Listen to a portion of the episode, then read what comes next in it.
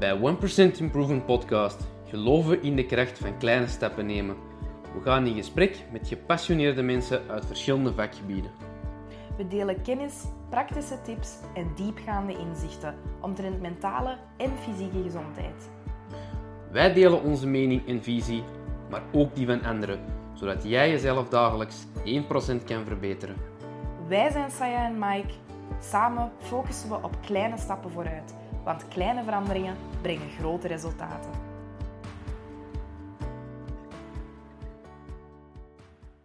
Welkom allemaal bij een nieuwe aflevering van de 1% Improvement Podcast. Vandaag zit ik samen met Mike en niemand minder dan Daisy op de Beek.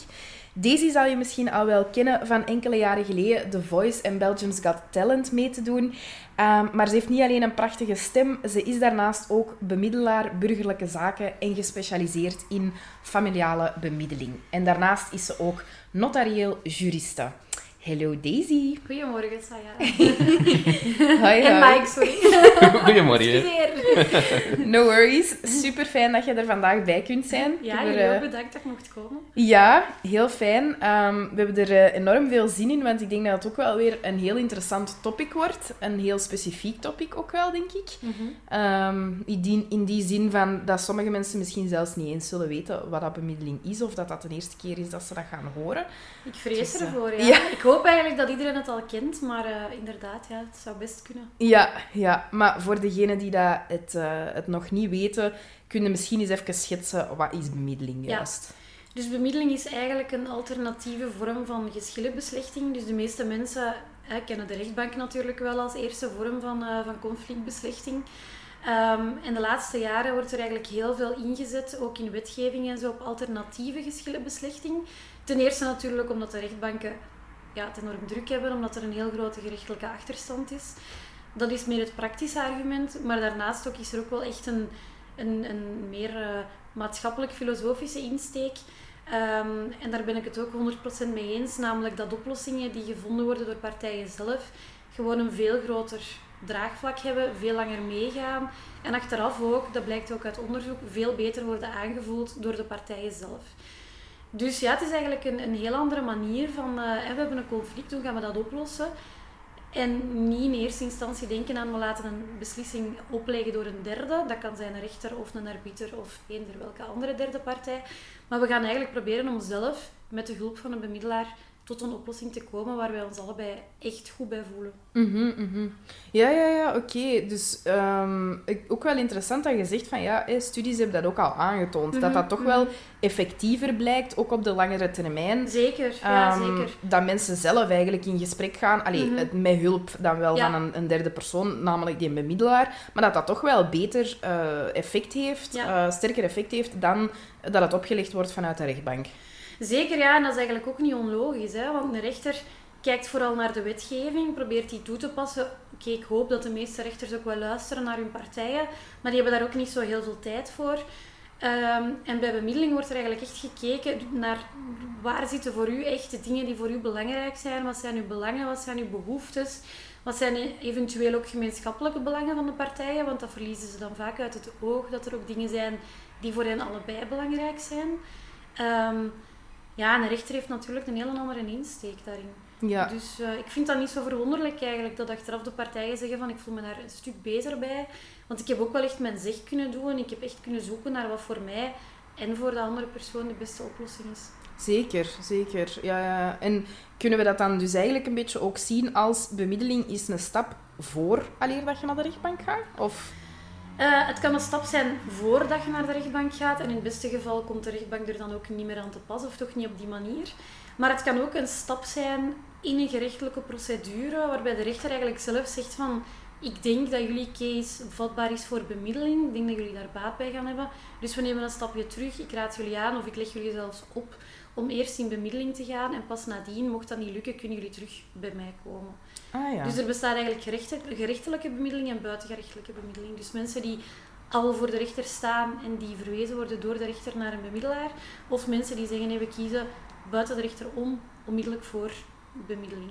Ah ja, oké. Dus eh, je kunt jezelf, eh, oftewel kun je zelf eigenlijk aanmelden Uh, oftewel uh, Ja. zegt de rechter eigenlijk van nee, ik leg jullie Ja. dat nu eigenlijk eh, op. Dat je het eerst zelf gaat uitzoeken met de hulp van een, een bemiddelaar.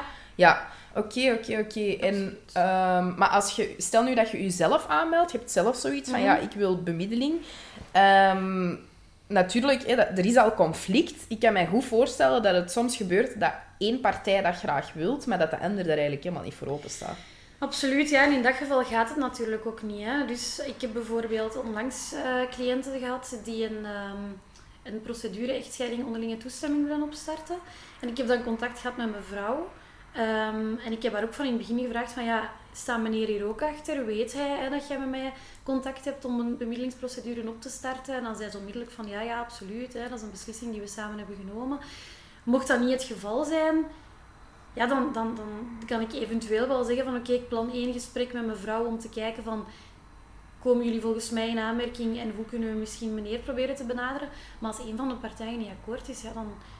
dan allee, het is wel een noodzakelijke voorwaarde dat beide partijen wel echt openstaan voor bemiddeling natuurlijk. Ja, ja, Ja. ja. ja, ja. oké. ja. Dus dat, eigenlijk komt dat, allee, is dat al niet mogelijk als een andere persoon heel hard tegenwerkt en zoiets heeft van nee, en ik, en ik wil naar de rechtbank en allee, ja. In eerste instantie moet er toch wel een bereidheid zijn om in bemiddeling te gaan. Het kan natuurlijk dat er in de loop van de procedure, allee, of in de loop van de afspraken, wel een, een weerstand ontstaat bij een van beiden. En dan zou ik wel proberen om daarop door te gaan en te vragen waar dat die weerstand juist zit. En wel te proberen om ze bij mij te houden, zogezegd, of bij het proces te houden.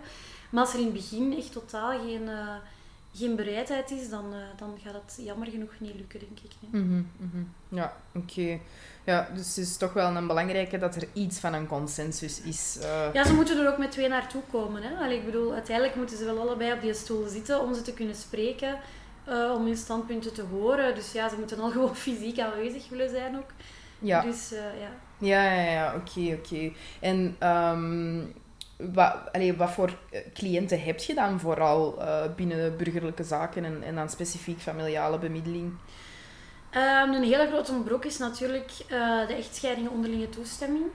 Waarbij mensen dus ehm, eerst een regelingsact willen maken over alles en die dan willen laten homologeren, dus willen laten goedkeuren eigenlijk door de rechtbank om te kunnen scheiden.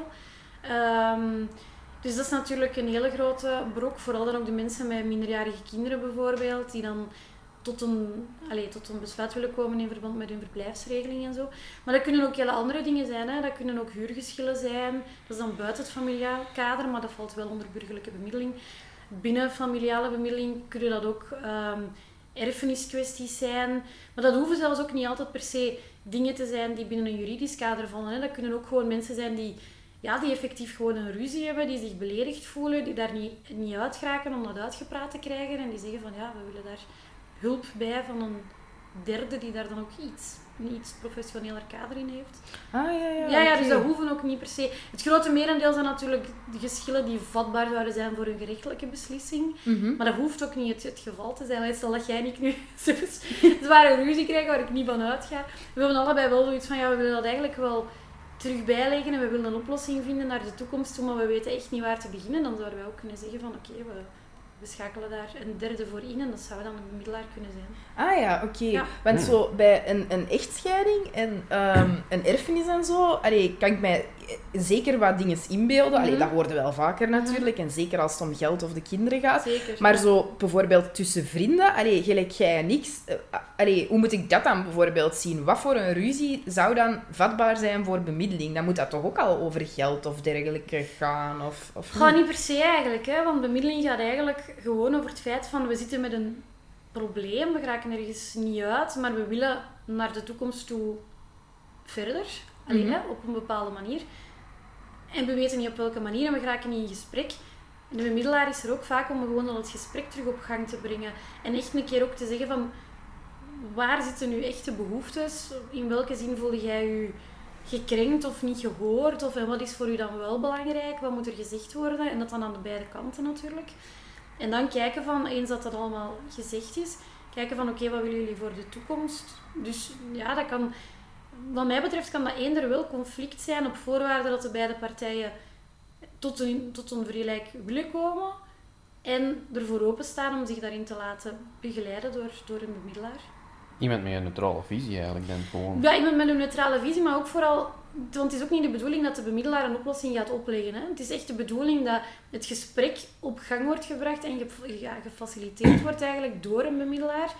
Maar dat er gewoon ruimte komt om te spreken, maar de echte oplossing, ehm, of de echte toekomstvisie, of hoe dat je het ook wilt noemen, moet sowieso wel van de partijen zelf komen. Maar een Oké. bemiddelaar kan wel helpen om te zeggen van oké, wat is nu echt belangrijk? En laat ons bijvoorbeeld een keer een lijstje maken van welke oplossingen er allemaal mogelijk zijn.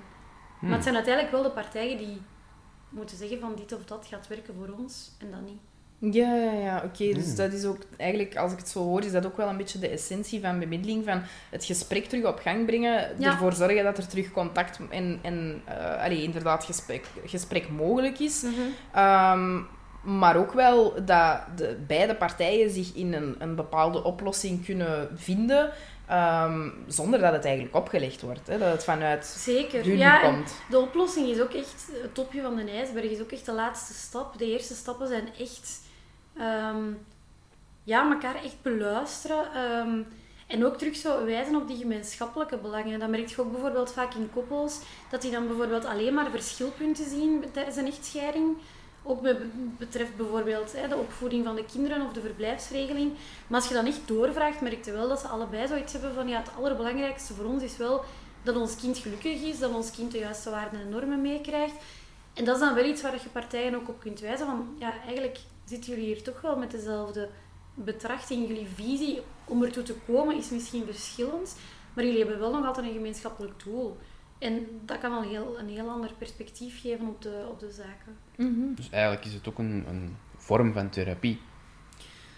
Nee, ja, zo zou ik het nu niet willen noemen, omdat therapie gaat voor mij wel echt verder. Is ook helemaal het, het vakgebied van iemand anders, dus daar wil ik me ook zeker niet in, eh, in mengen.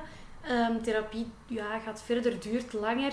En het, therapie is volgens mij ook iets waar, waar de oplossing niet per se centraal staat. Mhm. Bij bemiddeling is het wel de bedoeling om, om tot een bepaalde uitkomst te komen, dat dat traject wel ergens naartoe stroomt, laat ons zeggen, dat er een eindpunt is. Dat is bij therapie niet noodzakelijk het geval, denk ik. Hmm. Ehm, maar ik denk wel dat het zeker wel therapeutisch kan, kan werken. Mhm. Dat wel. Mhm. Oké. Ja, want hoe lang duurt bemiddeling zo gemiddeld? Kan ik echt niet zeggen. Dat Ah, is, nee, dat is echt... ehm, ach, dat hangt zo hard af van... ehm, ja, van het soort probleem natuurlijk, het soort conflict waarmee dat mensen komen, maar ook hoe snel zij daarin ehm, ja, evolueren, tot gesprek komen. Eh, ik heb dat zelf nu nog niet meegemaakt, maar ik heb al van mensen gehoord dat het soms drie, vier sessies duurt om gewoon al mensen terug te laten spreken, een beetje open te krijgen. Bij andere mensen lukt dat onmiddellijk.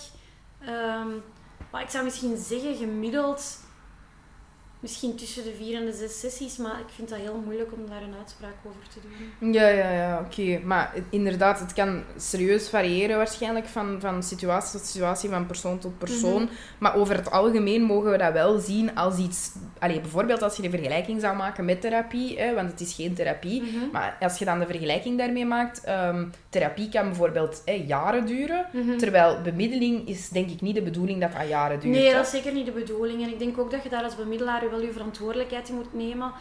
Als je ziet na vier, vijf sessies van oké, we geraken hier geen stap vooruit, dan denk ik ook wel dat je op een bepaald moment moet durven zeggen van oké, ik, ik, ik zie dit eigenlijk niet goed komen. Jullie, allez, jullie gaan dat hier bij mij niet kunnen afronden. Mhm. Het gaat iets anders moeten worden. Ja, ja. Omdat je partijen natuurlijk ook niet nodeloos wilt, wilt eh, ja, hun geld en hun tijd daarin laten steken. En het kan ook wel een beetje een, een schop onder hun kont zijn. Zoals je op een bepaald moment zegt van ja, op deze manier gaan we er niet geraken, er gaat iets moeten veranderen. Mhm. Ik denk dat je dat als bemiddelaar wel in het oog moet, moet houden. Ja, zeker. Dat denk, ik- en ik denk dat dat ook niet altijd even evident is. Want het is natuurlijk net je job om daarin te proberen ja, bemiddelen en, en Ja, intussen te komen. Maar als je zo merkt ja. van oei, we zijn hier toch nog altijd in cirkeltjes aan het draaien, dat is nee, ik zou dat ook redelijk onethisch vinden. Sorry, ik pak ondertussen even een zakdoek. geen probleem. Ik wil niet willen lopen, dus. Eh, nee, maar ja, en, eh, allee, dus ik zou dat ook niet ethisch vinden om dan als bemiddelaar zoiets te hebben van, ja, ik zit hier toch te cashen ondertussen, laat ze maar ploeteren. Allee, dat, dat, dat, dat zou ik niet, niet correct vinden. Nee, ik denk ook niet dat dat een insteek is waarmee Zeker dat je niet. daarin bent gestapt. Nee, ik denk ook dat je dat als therapeut ook niet doet uiteindelijk. Ja, maar dan heb je misschien wel net iets meer tijd. Ehm, nee, maar in zo'n geval zou ik dan zelf ook wel aangeven van oké, ja, hier, hier verwacht ik wel iets meer evolutie of anders gaan we, ja, gaan we ermee moeten stoppen. Ja, ja. Want hoe uh, kun je dat zo eens een beetje schetsen? Zo? Van, ja, stel, ik, ga, ik kom bij u uh, als bemiddelaar Mhm. met, ehm, ja, uh, ik zeg nu maar iets, met een huisbaas of zo. Hè. Ik heb Mhm. een geschilderd. Ja, ja, ja. Um, ik kom bij u um, samen met mijn huisbaas. Hoe, hoe gaat dat zo in zijn werk? Zo'n zo'n gesprek natuurlijk. Ik kan mij voorstellen, hè, dat, allee, je kunt niet dat gesprek van A tot Z schetsen, want dat hangt keihard van de situatie af. Ja. Maar zo in, ja, zo in grote lijnen, Ja, hoe moet ik mij dat voorstellen? Ja. ja, ja. Dus, dus, dus om te beginnen zou ik eh, jullie een beetje welkom heten en, en ook uitleggen wat, wat de bedoeling is van de bemiddeling. Dus ook zoals ik nu aan u een beetje uitleg van wat is de filosofie van bemiddeling. Vragen van, voelt dat voor jullie dan nog steeds oké om, om hier te zijn, om hiermee door te gaan? Indien het geval, alleen, indien dat het geval is. Um, gaan we verder en dan begint het echt met, ja, ik zeg het zo, het, het, het verkennen. Dus ik zou eerst aan jullie allebei vragen van, wat is er volgens jullie momenteel aan de hand? Om ook de twee perspectieven te horen. Mm -hmm. um, en vanaf dan, ja, ik zeg het, echt beginnen jullie in gesprek te laten gaan. Echt vragen van, uh, beluister mekaars belangen, beluister mekaars behoeftes. En soms komen daar echt dingen uit die op voorhand ook nog niet gezegd zijn. Hè? Bijvoorbeeld, je komt met een huurgeschil en ik zeg maar iets, het gaat over... Um, zeg nu maar iets, een, een, een schadegeval in je huurwoning of zoiets. En er is discussie over wie dat dan moet betalen. Vaak hoort je dan ook dat het, dat het veel dieper gaat, omdat het gaat over niet gehoord worden. Het gevoel hebben dat je, dat je nergens een plaats hebt. Van je huisbaas misschien het gevoel hebben dat je geen appreciatie krijgt voor de, de, de moeite die jij doet om een oplossing te vinden. Allee, vaak gaat dat over heel persoonlijke zaken. Um, ja, en merk je dan wel dat partijen ineens zoiets hebben van, ah ja, oké, okay, wacht, ik heb dat zo nog niet bekeken. Of, of het helpt misschien, ik kan misschien zelfs zeggen van, ik hoef deze maand niet alles te betalen, maar als ik al gewoon een paar keer uitspreek van, bedankt voor je geduld, is er ook al veel gezegd. Allee, mm -hmm, dat soort mm -hmm. zaken. Dus dat is de grootste brok natuurlijk, hè, om, om daarin echt door te gaan. En dan komt er eigenlijk een soort van brainstormfase, noemen we dat. Waarbij dat er gekeken wordt van, oké, welke mogelijke oplossingen zijn er allemaal? En daar mogen, daar mogen mensen dan ook echt in, in freewheelen. Allee, dat kan echt van alles zijn. Dat is ook een beetje het eigene van bemiddeling en ook een groot verschil met de rechtbank natuurlijk. Dat kan bij wijze van spreken zijn dat je zegt van, ik betaal deze maand mijn huur niet, want ik kan het niet betalen, maar ik ga drie keer heel lekker voor u koken bijvoorbeeld. Kan, kan allemaal. Hè? Okay. Dus je maakt een lijst van verschillende oplossingen die zouden kunnen werken.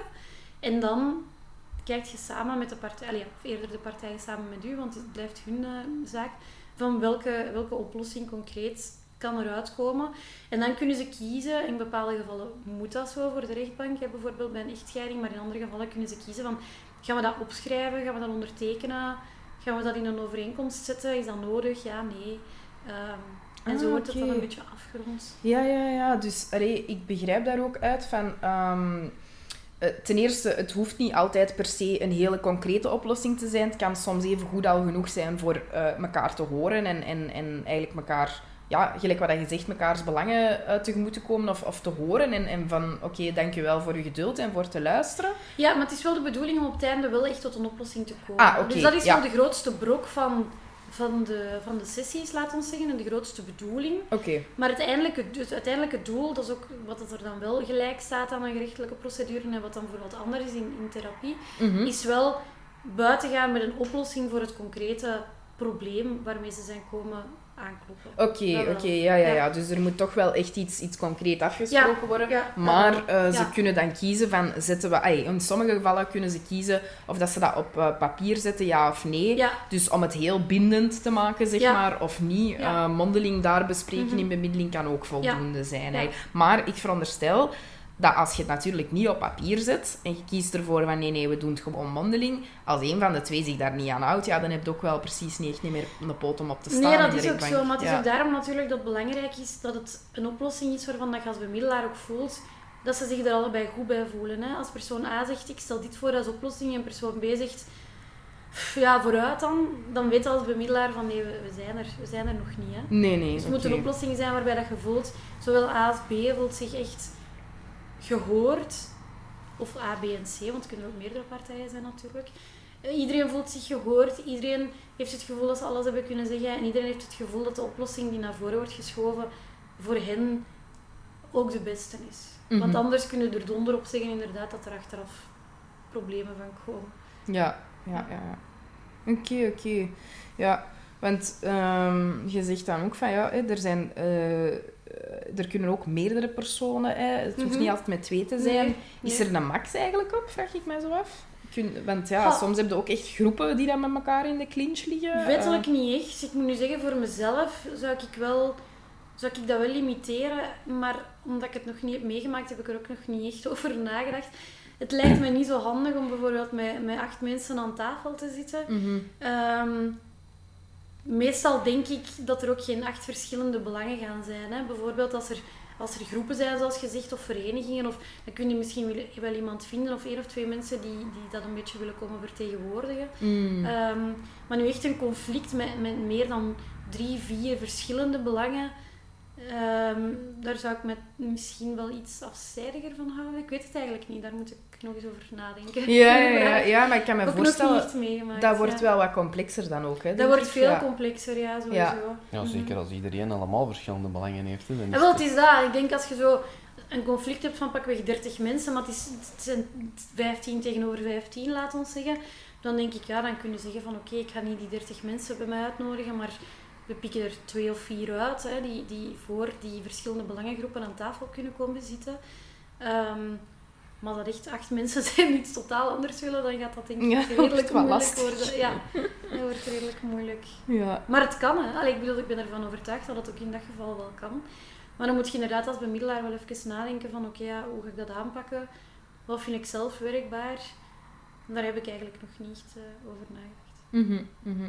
Ja, want tot nu toe ehm, be- begeleid je dan vooral eh, cliënten ehm, binnen echtscheidingssituaties? Voornamelijk wel, dat is wel de Voornamelijk. grootste, de grootste ja, broek eigenlijk van... eh. Ja, kan ik me Ja. ook wel voorstellen. Ja, ja. Dat daar... eh, Het is ook nog niet zo bekend, hè, allee, bemiddeling, want zoals ik daarnet tegen u zei, hè, van als we een ruzie zouden hebben of, hè, of, er is, of er is een conflict met uw huisbaas of zo, zeg jij ook direct van, ah ja, dus ik zou dat dan ook kunnen doen. De meeste mensen weten ook niet ehm, dat dat een eerste stap kan zijn in een context waar ze het ook dikwijls helemaal niet verwachten. Nee, inderdaad, inderdaad. Ja, ja, nee. En ik heb dat ook, om eerlijk te zijn, heb ik dat ook nog niet zo vaak gehoord of zo. Mhm, mhm. Ehm, ik heb dat nu al wel gehoord, inderdaad, in, in echtscheidingssituaties. En Mhm. natuurlijk, hè, omdat jij ook bemiddelaar bent, Ja, eh, ja. hebben we het daar ook al wel eens over gehad. Ehm, maar ik, nee, veel heb ik daar nog niet over gehoord. Nee, Ehm, ja, mensen kennen dat eigenlijk veel te weinig. ja, is dat iets dat, dat de laatste tijd meer en meer is aan het opkomen wel? Zie je daar een, een verschuiving in? Ik heb wel dat gevoel, ook omdat eh, de rechtbanken daar ook een beetje meer op inzetten. Ehm, maar ja, ik denk toch nog altijd te weinig. Ik denk dat veel mensen zoiets hebben van, het is duur en we zijn niet zeker dat er een oplossing gaat uitkomen. Maar dan denk ik, ja, duur is eigenlijk ook maar relatief. Want bijvoorbeeld als je naar de notaris of naar de rechtbank moet, is het wel vaak allemaal tezamen een pak duurder en duurt het een pak langer. Mm. Ehm, een advocaat is zeker duurder, want dat duurt ook meestal langer, die procedure. Ehm, dus ja, dat hangt er ook maar vanaf met welk perspectief dat je, er, dat je er naartoe gaat. Ik denk dat mensen worden afgeschrikt door het idee van we zijn niet zeker dat er een oplossing gaat komen. Terwijl dat je dat bij de rechtbank natuurlijk wel hebt. Aan de andere kant, ja, het hangt alleen maar van jezelf af. Eigenlijk, alleen van, u, van de andere partij natuurlijk, maar of er een oplossing komt, ja of nee. Dus ik zou er zelf zeker wel voor kiezen. Ja, dat is natuurlijk omdat ik ook de, de, de voordelen ken, omdat ik het ook van binnenuit ken. Maar ik zie eigenlijk heel veel voordelen en heel veel mogelijkheden. Ja, ik ook wel, want hè, ehm, nog niet zo heel lang geleden heb ik dat zelf ook even overwogen. Hè. Eh, dat ik, ik ga daar nu niet over uitweiden, maar dat ik eh, u ook even heb gecontacteerd Mhm, van mhm. hey, is dat iets dat in, Ja, in ja, mijn ja, situatie ehm, mogelijk zou zijn? Nu, de andere partij stond daar totaal niet voor open. Eh, allee, dat was een heel Mhm. ander ding. Maar ehm, ik, ik, ik gaf daar ook wel de voorkeur aan. Want ik wist al een beetje wat het inhield. En, Mhm. en dan door met u te overleggen had ik ook wel zoiets van... Ja, oké, dat is inderdaad wel beter dan dat we heel de procedure bij de rechtbank moeten doorlopen. Tuurlijk, ja. Ehm, waarbij dat, oké, er komt een oplossing, maar dat is inderdaad niet gezegd dat dat in uw voordeel gaat vallen. Of dat dat, in, eh, dat, dat een oplossing gaat zijn waar dat jij je heel goed bij gaat kunnen... allee, of waar dat je in gaat kunnen vinden. Terwijl bij bemiddeling begreep ik wel inderdaad van, is de insteek dat we er samen eigenlijk uiteindelijk uit geraken. Hè, zonder dat er zaken worden opgelegd. ja, ja, zeker. Dus die insteek vond ik al veel eh, Mhm. aanlokkelijker klinken. Ehm, maar inderdaad, je moet er dan wel allemaal in instemmen. Je moet er allemaal in instemmen, je moet er de tijd voor willen maken. En ja, we gaan er niet over liegen, je moet, je moet het geld eraan willen geven natuurlijk. Ja. Alleen je moet, je moet ook bereid zijn om te zien dat je het geld anders misschien aan iets anders gaat moeten geven als het alleen maar escaleert. Maar mensen denken vaak op korte termijn hè, en denken van ja, maar ja, dan moet ik nu pakweg volgende week aan tafel gaan zitten en dat duurtarief betalen. Ik zie dat niet zitten en verliezen uit het oog dat het achteraf allemaal nog veel moeilijker kan worden. En ik snap dat ook wel, hè, maar ik denk dat het ook daarom belangrijk is dat, ja, dat er over gesproken wordt, dat mensen weten dat het bestaat. Mhm. Eh, ja.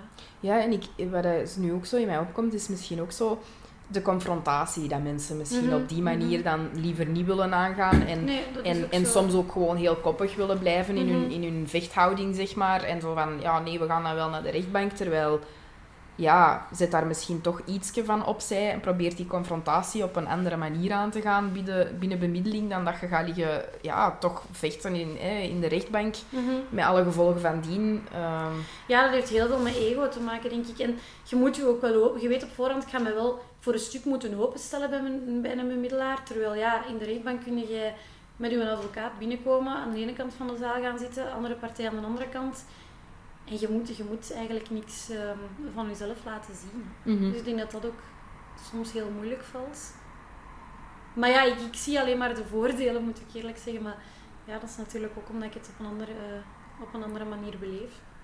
Maar zo van die eh, echtscheidingen, worden daar dan op een gegeven moment ook de kinderen in bij betrokken? Zo van, Die- wat willen de kinderen eigenlijk? Die kunnen wel eens een keer worden uitgenodigd om, om mee te horen. Dat hangt natuurlijk wel echt af van hun leeftijd, hun maturiteit, wat de ouders daar zelf over denken. Dat is mogelijk dat die daarbij betrokken worden, ja. Het is Ja, maar- niet uitgesloten. Want wat dat je wel vaak ziet bij uitspraken van de rechtbank, is dat dat totaal niet is wat dat eigenlijk het kind wilt. Hè? Nee, kinderen vanaf een bepaalde leeftijd kunnen of moeten ook door de rechtbank worden, worden gehoord, heet dat dan. En door de, door de jeugdrechtbank moeten dan worden uitgenodigd om ook eh, hun verhaal te kunnen doen. Ehm, en bij bemiddeling, dat is niet uitgesloten, maar daar heb ik zelf minder ervaring mee.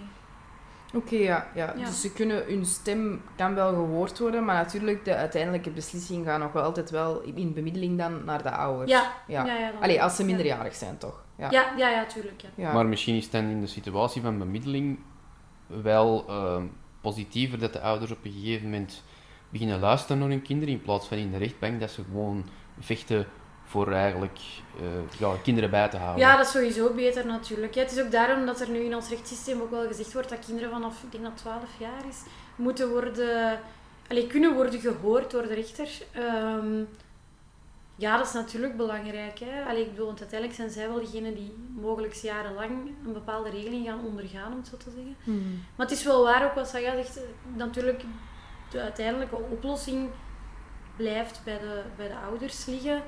Maar daar kun je in bemiddeling dan ook wel allee, mensen ook op wijzen. Hè, van ja, wat, Hm. wat, wat is volgens jullie wat dat jullie kind wilt? Moeten we daar ook eens naar luisteren? Of weten jullie dat? Hebben jullie daar ook dezelfde visie op van wat dat jullie kinderen willen?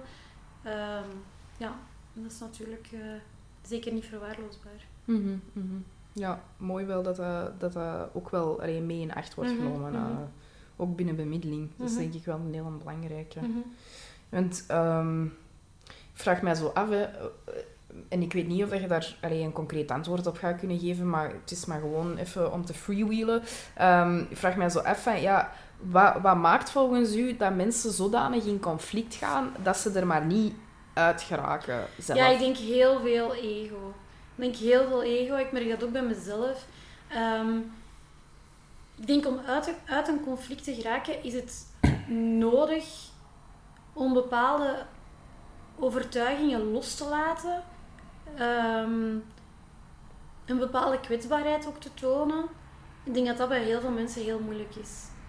Ehm, ja, ik ben even aan het denken. Het is een, het is een heel goede vraag. Ehm, ja, ik denk dat mensen als ze in conflict gaan, in een bepaalde defensieve modus gaan. En zoiets hebben van, ik wil nu zo hard mogelijk mijn eigen belangen verdedigen. Zo hard mogelijk mijn eigen overtuigingen verdedigen. Waardoor dat de standpunten eigenlijk alleen maar ehm, ja, verstrakt worden en, en meer lichter, allee, lijnrecht tegenover elkaar komen te staan. Mhm.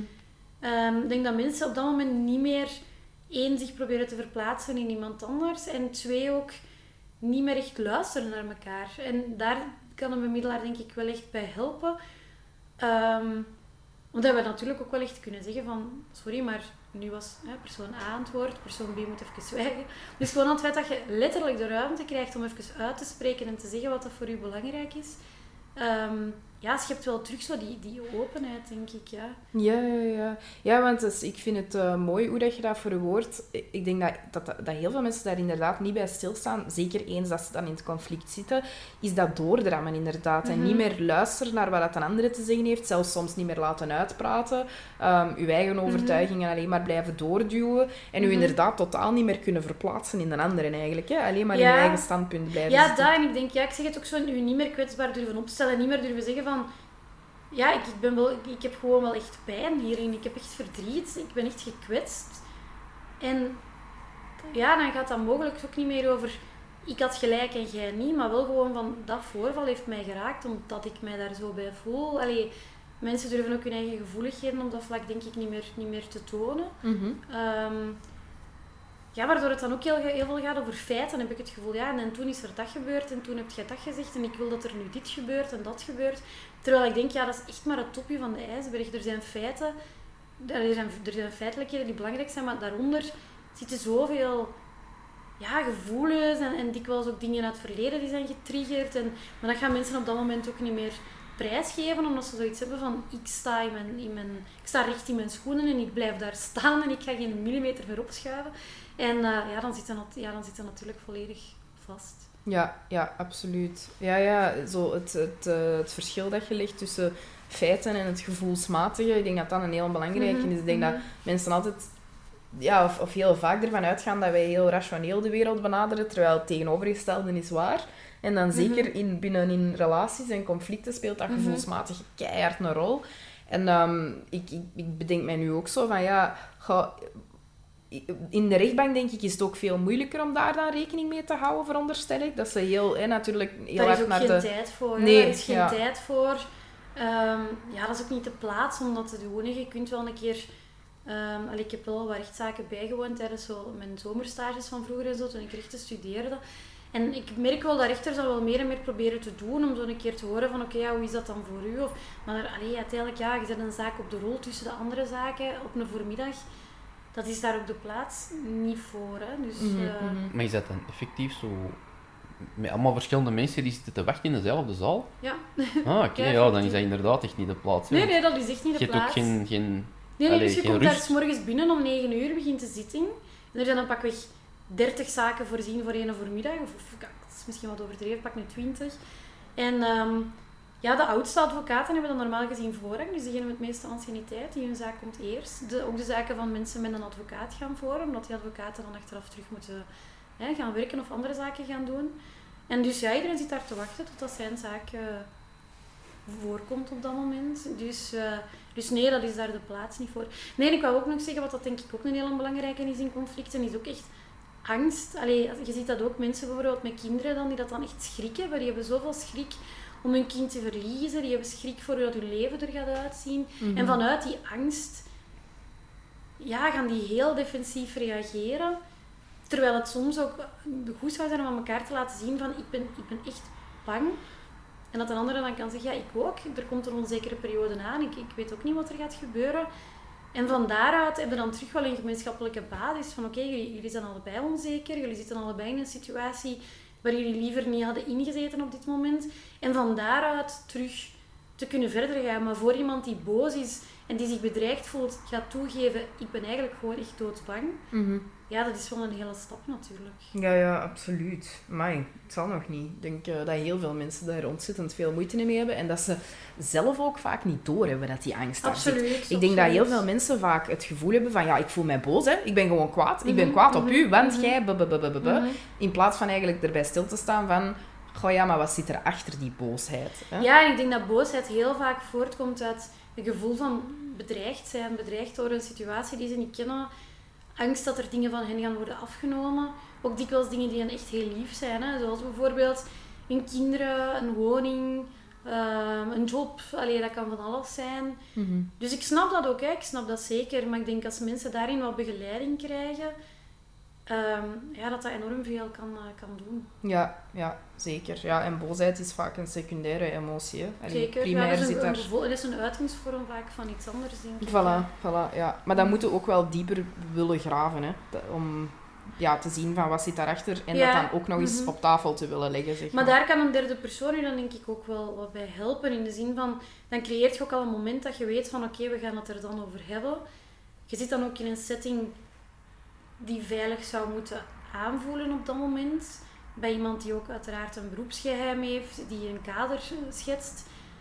Ehm, dat is geen 100% garantie op succes natuurlijk, hè, maar dat, dat biedt wel al een paar randvoorwaarden die het iets makkelijker zouden kunnen maken. Ja, zeker. Zeker. Want je hebt het er juist al gezegd, eh, je hebt zelf eh, rechten gestudeerd. Ja, Maar wat, wat, is, is dat het enige dat je moet studeren voor eh, bemiddeling? Of moet ook nog een... een ah nee, je moet waarschijnlijk nog iets bijstuderen of een specialisatie Ja, dus je hoeft of- geen rechten gestudeerd te hebben. Hè? Dus Ah ja, oké. nee, nee, dus, dus je kunt eigenlijk na elke bacheloropleiding kun je een postgraduaat eh, bemiddeling volgen. Dus die heb ik ook gevolgd. Na elke Ehm, professionele bacheloropleiding ook? Je hoeft niet per se een, een academische vraag. bachelor hebben aan de UNIF? Ik moet toegeven dat ik dat niet zeker weet. Ja, nee, dat weet ik niet zeker. Want ik had dus al inderdaad rechten en filosofie gestudeerd op dat moment. Dus dat, dat weet ik eigenlijk niet. Ja. Ehm goeie vraag. Kan ik niet op antwoorden. Nee, oké. Maar in Ehm, principe een, een bachelor toch eh Ja. moeten wel hebben? Ja, en dan dus een, eh, een postgraduaat bemiddeling. Ik heb die van mij aan de KU Leuven gevolgd. Er zijn er nog een aantal erkende, eh, erkende opleidingen. En dan dus, eens dat je dat hebt afgerond, dus, dus eerst een algemene module en dan kiest je eh, een specialisatie, dus ofwel familiale bemiddeling ofwel bestuurlijke bemiddeling. Dus dat gaat dan meer over bemiddelen in overheidscontext. Ah ja, amai. dus ik heb dan familiale bemiddeling gekozen. En dan ehm kun je u dus, en dat is ook een noodzakelijke voorwaarde om te kunnen beginnen werken, daarin moet je u dus laten ehm, erkennen door de Federale Bemiddelingscommissie. Dus moet je nog van alle documenten indienen, uw cv, een motivatiebrief, een, ehm, een soort van ja, plan van aanpak, eh, dat soort dingen. Dus dat heb ik dan allemaal gedaan. En vanaf dan moet je dus om de twee jaar, allee, per twee jaar moet je 18 uur permanente vorming eh, nog volgen om erkend te blijven. Ah ja. En onder die voorwaarden dus kun je als zelfstandig bemiddelaar eh, aan het werk gaan, ofwel alleen ofwel binnen een groepspraktijk. Of, eh, Oké, oké, oké, oké. Ja, dus er zijn eh, heel wel, wel, wel heel wat stappen dat je na je opleiding eigenlijk ook nog wel wat moet voltooien. Ja, ja, ja, ik moet zeggen, die erkenningsprocedure was ja, niet echt, dat was geen, geen harde procedure of zo, maar er zijn wel redelijk nog wat documenten om in te dienen, om in orde te maken. Je wordt ook wel wat gedwongen om na te denken over hoe zie ik mijn toekomst als bemiddelaar. Ehm, ja, dus dat moet nog wel allemaal even eh, gedaan worden. Ja, maar als ik het goed heb begrepen, werkte oftewel eh, zelfstandig alleen, oftewel werkte als zelfstandige in een praktijk. Maar het is niet zo dat je Ja. als bemiddelaar in een in loondienst ergens kunt werken. Dat heb ik eigenlijk nog nooit gehoord. Nee, Nee. de bemiddelaars die ik ken, en zoals mezelf ook, werken eigenlijk allemaal als, eh, als zelfstandigen. Ehm, ja, ik zeg het ofwel alleen ofwel binnen een, een, een meestal dan een multidisciplinaire groepspraktijk, waar dat dan ook ja, bijvoorbeeld een advocaat zit, of dat kan ook meer een psychologisch georiënteerde praktijk zijn. Oké. Ehm, Ah ja, ja, Ja. cool. Dus eigenlijk eh, eh, als aanvulling in een psychologische ja, ja, heb ik praktijk. al vaak gezien. Ah, ja, maar super. Wauw, oké, Mhm, top. Want waar zit jij juist? Ja, ik werk momenteel alleen als zelfstandige. Hè? Dus ik heb mijn eigen praktijk die Akkoord Bemiddeling heet. Ehm, dus ik heb mijn eigen website en zo. Dus ik werk momenteel niet in, in, in teamverband, ik werk alleen. Maar ik zou eventueel op termijn graag willen associëren binnen een multidisciplinaire praktijk. Mhm. Maar daarvoor moet ik het zelf nog iets meer uitbouwen. Moet ik nog wat meer zicht krijgen op ehm, waar ik dan juist zou willen werken, met welk soort cliënten het liefste. Mhm. Ehm, ja, daar ben ik nog wat in aan, in aan het zoeken. Ja, ja, ja, ja. oké, super. Maar in principe, als mensen nu eh, eh, contact met u willen opnemen, kan dat via uw eh, website, Ja. via akkoordbemiddeling. akkoord We zullen die sowieso ook in de, in de show notes Ja, zetten, hè, dat dat mensen daar gemakkelijk Ja. Bij kunnen. Oké, super. Ehm, wat ik mij nu ook zo afvraag, is zo in... Allee, misschien kun je daar niet direct een percentage op plakken, hè, maar is dat het merendeel van de gevallen waarbij dat bemiddeling succesvol is? Of is het eerder andersom, dat het merendeel van de gevallen toch nog naar de rechtbank moet? Ga, vind ik moeilijk om te zeggen. Het merendeel is volgens mij, loopt volgens mij wel succesvol af. En dat heeft er ook mee te maken, denk ik. Mensen investeren daar dan geld en tijd in. Dus willen ook wel dat dat lukt. Hmm, mhm. Maar ik ga ook eerlijk zijn, het, is, het zijn ze zeker niet allemaal. Hè? Alleen, Nee, dus nee. er blijft ook wel echt een percentage dat uiteindelijk ja, doorstroomt naar de rechtbank of gewoon helemaal nergens naar doorstroomt. Hè? Dat gewoon met hun, hun, eh, hun conflict blijft zitten. Natuurlijk niet als het over een echtscheiding gaat, want die moet dan uiteindelijk wel naar de rechtbank. Maar eh, er zullen ook zeker mensen zijn die van tafel gaan en zoiets hebben van... Nee, dit, uh, dit werkt niet. Nee, ja, oké. Maar ja, inderdaad, makes sense dat je zegt van... Ja, mensen stonden al open voor bemiddeling, hè, want anders gaat het ook niet van start het traject. Mhm, mhm. Dus ze willen er ook ergens wel iets uit Ja, ze willen er iets hè. uithalen en dat is ook zo'n heel psychologisch gegeven. Hè. Als je er Mhm. dan tijd en moeite in steekt, ja, dan wil je ook niet uiteindelijk dat dat voor niks is geweest. Ja, Ja, sorry, zo, winter is mijn loopneusperiode. geen probleem. Daar hebben we bekend allemaal last van, denk ik, ja, tegenwoordig. inderdaad. Ja, nee, dus ja, ik denk dat mensen ook wel echt willen dat, dat, dat, ja, dat het lukt natuurlijk. Hè. Allee, en uiteindelijk, ja, een conflict is ook super slopend. Hè. Dus ik denk dat, ik denk dat iedereen eigenlijk wel eh, droomt van een conflictloos leven. Maar het zal nog niet. Dus ja, er wel graag, eh, graag uit wilt. Ja, zeker. Zeker.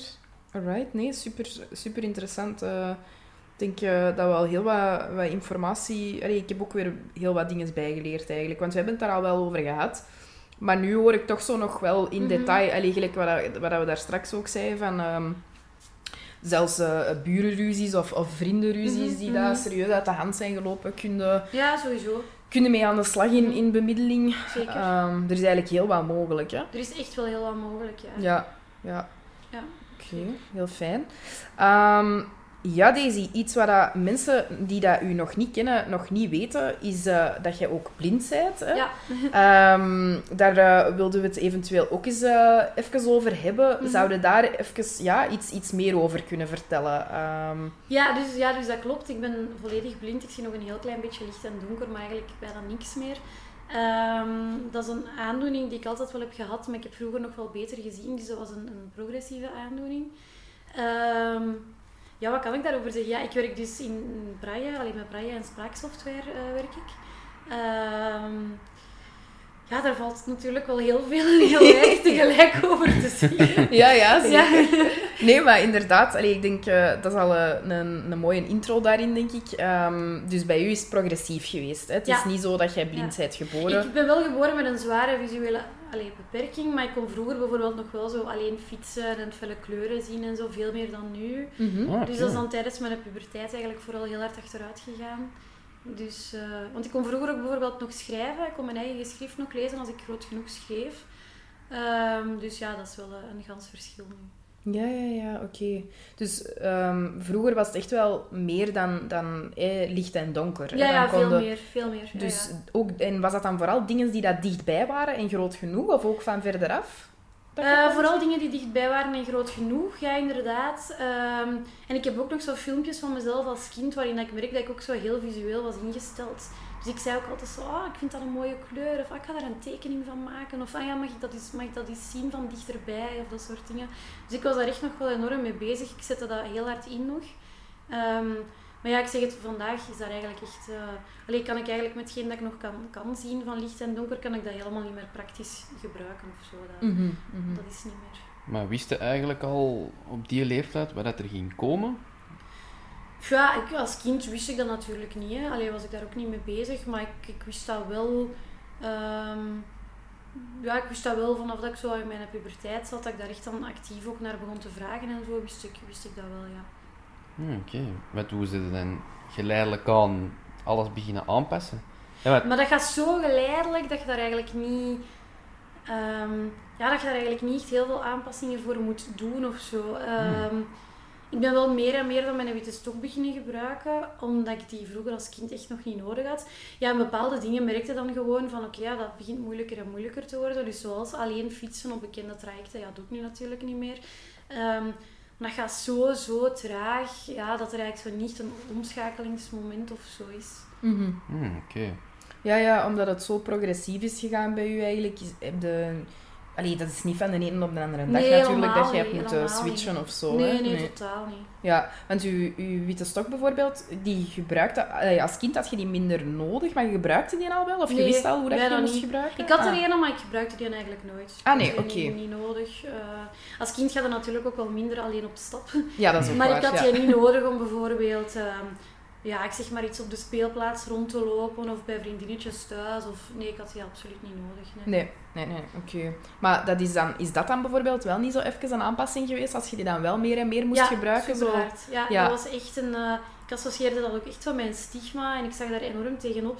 Ik heb ook jaren geweigerd om die te gebruiken. En dat is eigenlijk pas sinds een jaar of tien, denk ik. Allee, dat klinkt nu lang, maar eigenlijk, ja, ik was toen ook al 21, dus uh, redelijk laat dat ik dat echt wel uh, consequent ben beginnen doen. Ja, dat was in het begin echt wel, dat was een drempel, ja, zeker wel. Ja, ja, ja dat kan ik mij wel voorstellen. Want, allee, dat is dan... Hè, dat is ook gewoon een teken van, oei, ik heb hem nu echt nodig. Allee, ik kan er eigenlijk niet meer echt omheen. Ja, het wordt dan ook heel zichtbaar. Voilà, tegelijkertijd ook omdat andere mensen het wel echt gaan zien dan. Ja, ja. Ja, mm -hmm. ja. ja. Ja, lijkt me niet evident om je daar zo... Nee, dat was echt niet evident. Nee. nee. Terwijl vandaag kan ik me dat niet meer voorstellen. Dat, ik heb hem altijd bij in mijn hand. Allee, ik kan me dat niet meer voorstellen dat ik hem niet zou bij hebben of dat ik hem niet zou nemen als ik hem niet nodig heb. Mm -hmm. Maar uh, dus daar is ook wel een hele grote evolutie geweest. Ja. Maar het zal nog niet. Mm -hmm. Want hoe heb je dat voor jezelf zo ja, aangepakt? Uh, voor die mentale aanpassing ook gewoon te doen?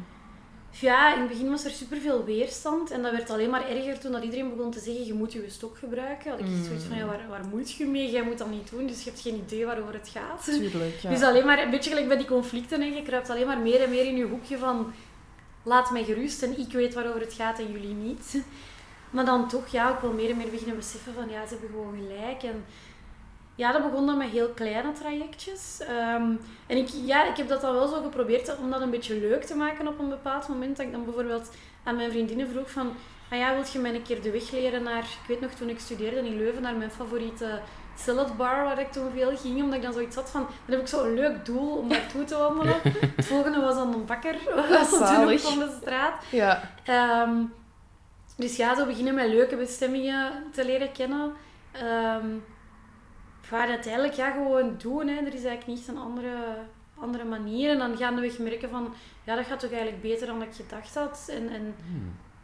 ja, uiteindelijk ja, wordt dat dan een gewoonte. Mm -hmm. Maar je, je, leert effectief de bestemmingen dan?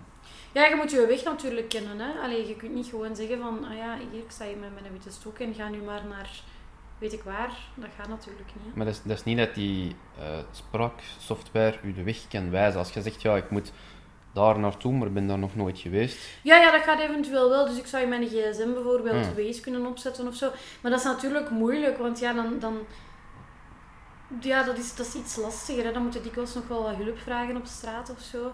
Dus de meeste trajecten die ik met mijn stok echt alleen doe, zijn trajecten die ik ken. Zoals bijvoorbeeld van het station naar mijn thuis, van mijn thuis naar de winkel, naar de bakker, naar de bushalte, okay. naar, de, allee, naar van alles in Leuven bijvoorbeeld. Mm -hmm. um, en voor de rest, bijvoorbeeld als ik zelfs op de trein stap om terug naar huis te gaan, gebruik ik hem als herkenningspunt. Echt, hè, dat mensen zien als ik op de trein stap, dat ze mijn zitplaats uh, mogen wijzen bijvoorbeeld. Um, dus dat is dan weer een heel ander gebruik. Ja, ja, want ik kan mij wel uh, voorstellen, oké, ja, tuurlijk, we hebben allemaal een GPS, maar uh, voor u is dat wel veel minder evident, want die GPS gaat niet zeggen, pas op, hier is een, uh, nee, hier is een obstakel niet. of zo. Of er is een put in de weg. Ja. Voilà, of er ligt een elektrische step weer in de weg ergens. Mm. Hè. Een tegel dat uitstikt. Ja, allee, en oké, okay, je kunt bepaalde zaken wel aanvoelen natuurlijk met je, met je stok, maar allee, je hebt mij dat ook al gezegd, hè, van dat sommige dingen echt niet allee, eigenlijk echt niet goed aangepast ook niet zijn Het in de grootste probleem denk ik de dingen die in de lucht hangen, hè, omdat je daar ja. je ook niet komt. Zo borden of zo, reclameborden of dat soort dingen. Ja, dat is echt super ambetant. Oh, ja. Maar ik ben ook wel iemand die... Um,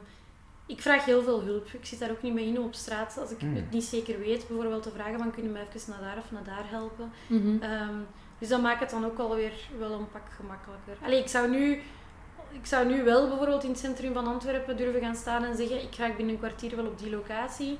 Maar ik zal waarschijnlijk vrij weinig stappen alleen gedaan hebben. Maar ik weet wel zeker dat ik er wel ga staan. Ja, ja, voilà. voilà. Maar Dus, dat is ook ja. wel een kracht, hè. Want ja, ja, hè, sommige waar. mensen zouden zeggen van nee, het is pas krachtig als ik er zelf geraak. Terwijl, ja, nee, hè.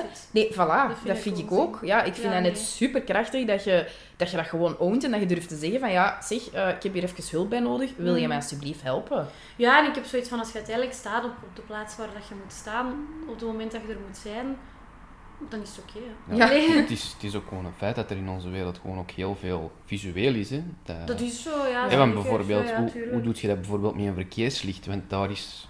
Ja, niks je hebt van zo van die rateltikkers, hè. Dus als die er zijn, Ah, is er geen probleem. En anders, ja, dan weet het niet. Ja, voilà, want die zijn er niet altijd, hè. Dat heb ik Anders ook weet je al niet eens gedacht. dat er een zebrapad is, hè. Nee. Dat is eigenlijk schandalig dat dat niet overal is, Ja, hè. dat Dat is echt... eh, Mhm. Ja. Ja, dan moet je gewoon goed luisteren. Hè. Gewoon random ergens de straat oversteken en hopen dat je niet overreden wordt. ja, ja. Want vraag je dat dan soms ook wel aan Ja, mensen? Van, is het ja, groen? Ja, zeker. ja, oké, voilà. Ja. Nee, meestal vraag ik zelfs niet eens, is het groen? Meestal vraag ik, kunt je me even helpen oversteken? Ah ja, voilà. ja, ja. Is dat iets wat jij in het begin ehm, ook al... Want ik heb u inderdaad ook zo leren kennen, hè, als iemand die dat Mhm. mondig is, eh, ook gewoon voor hulp vraagt en van, ah, kunt je mij dit of dat even laten zien of hier of dat daarmee helpen? Ehm, ik heb dat altijd vanaf begin af aan eigenlijk al bewonderd, maar is dat altijd al zo geweest? Of is dat ook een wel. evolutie geweest? Mm, Ja, nee, zo hulpvragen heb ik altijd al wel veel gedaan. Mijn ouders hebben me daar heel hard in, in ehm, gestimuleerd, ook wel altijd. En ik heb daar ook bijna alleen maar positieve ervaringen mee. Alleen natuurlijk komen er soms mensen tegen dat je denkt, "Och, ik had beter niets gevraagd dan nu. Mm. Maar meestal, allee, ik heb ook wel een hele goede vriendenkring en zo. En dat, dat sterkt mij ook wel zo in de overtuiging van, ja oké, je kunt wel op mensen rekenen en ze gaan je wel helpen als het nodig is. Dus nee, dat heb ik altijd wel, wel al gehad.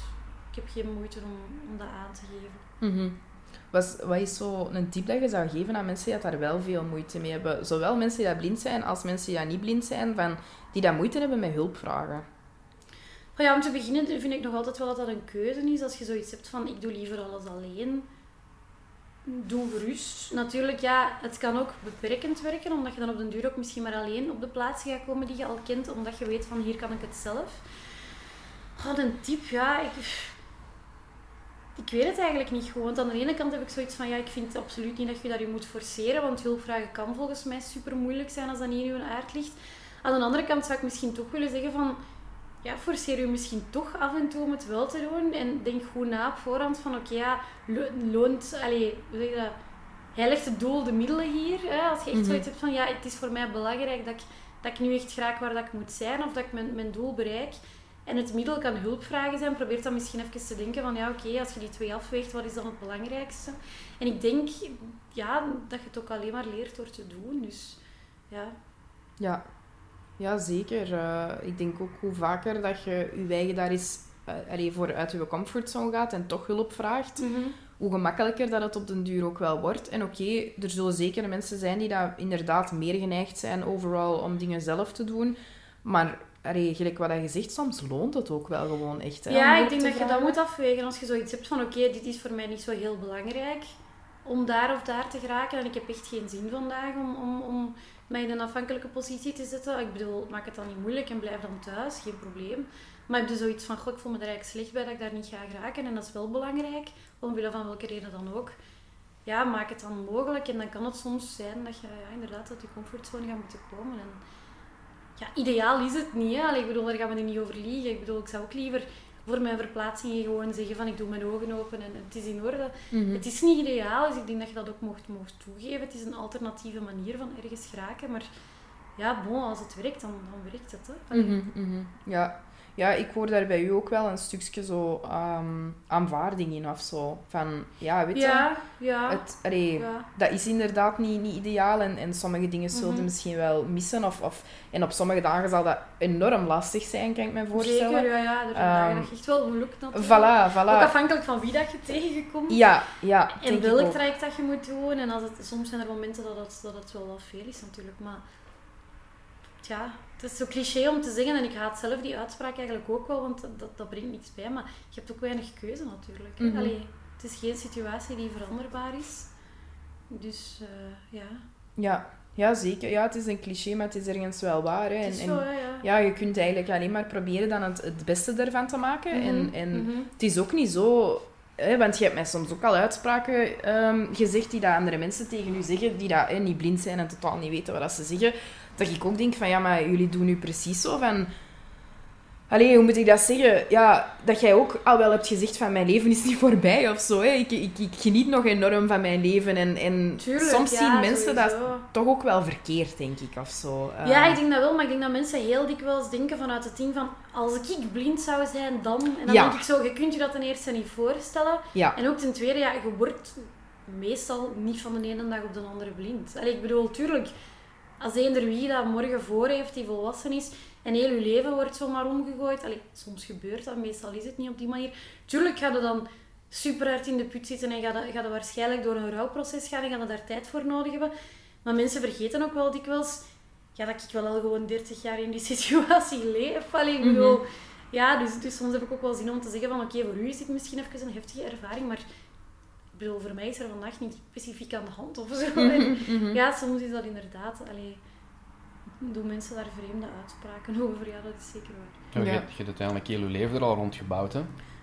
Ja, ja, ja en nee. hè. Allee, rondgebouwd. Ja, wel ja. Ik heb alles gedaan om, om het...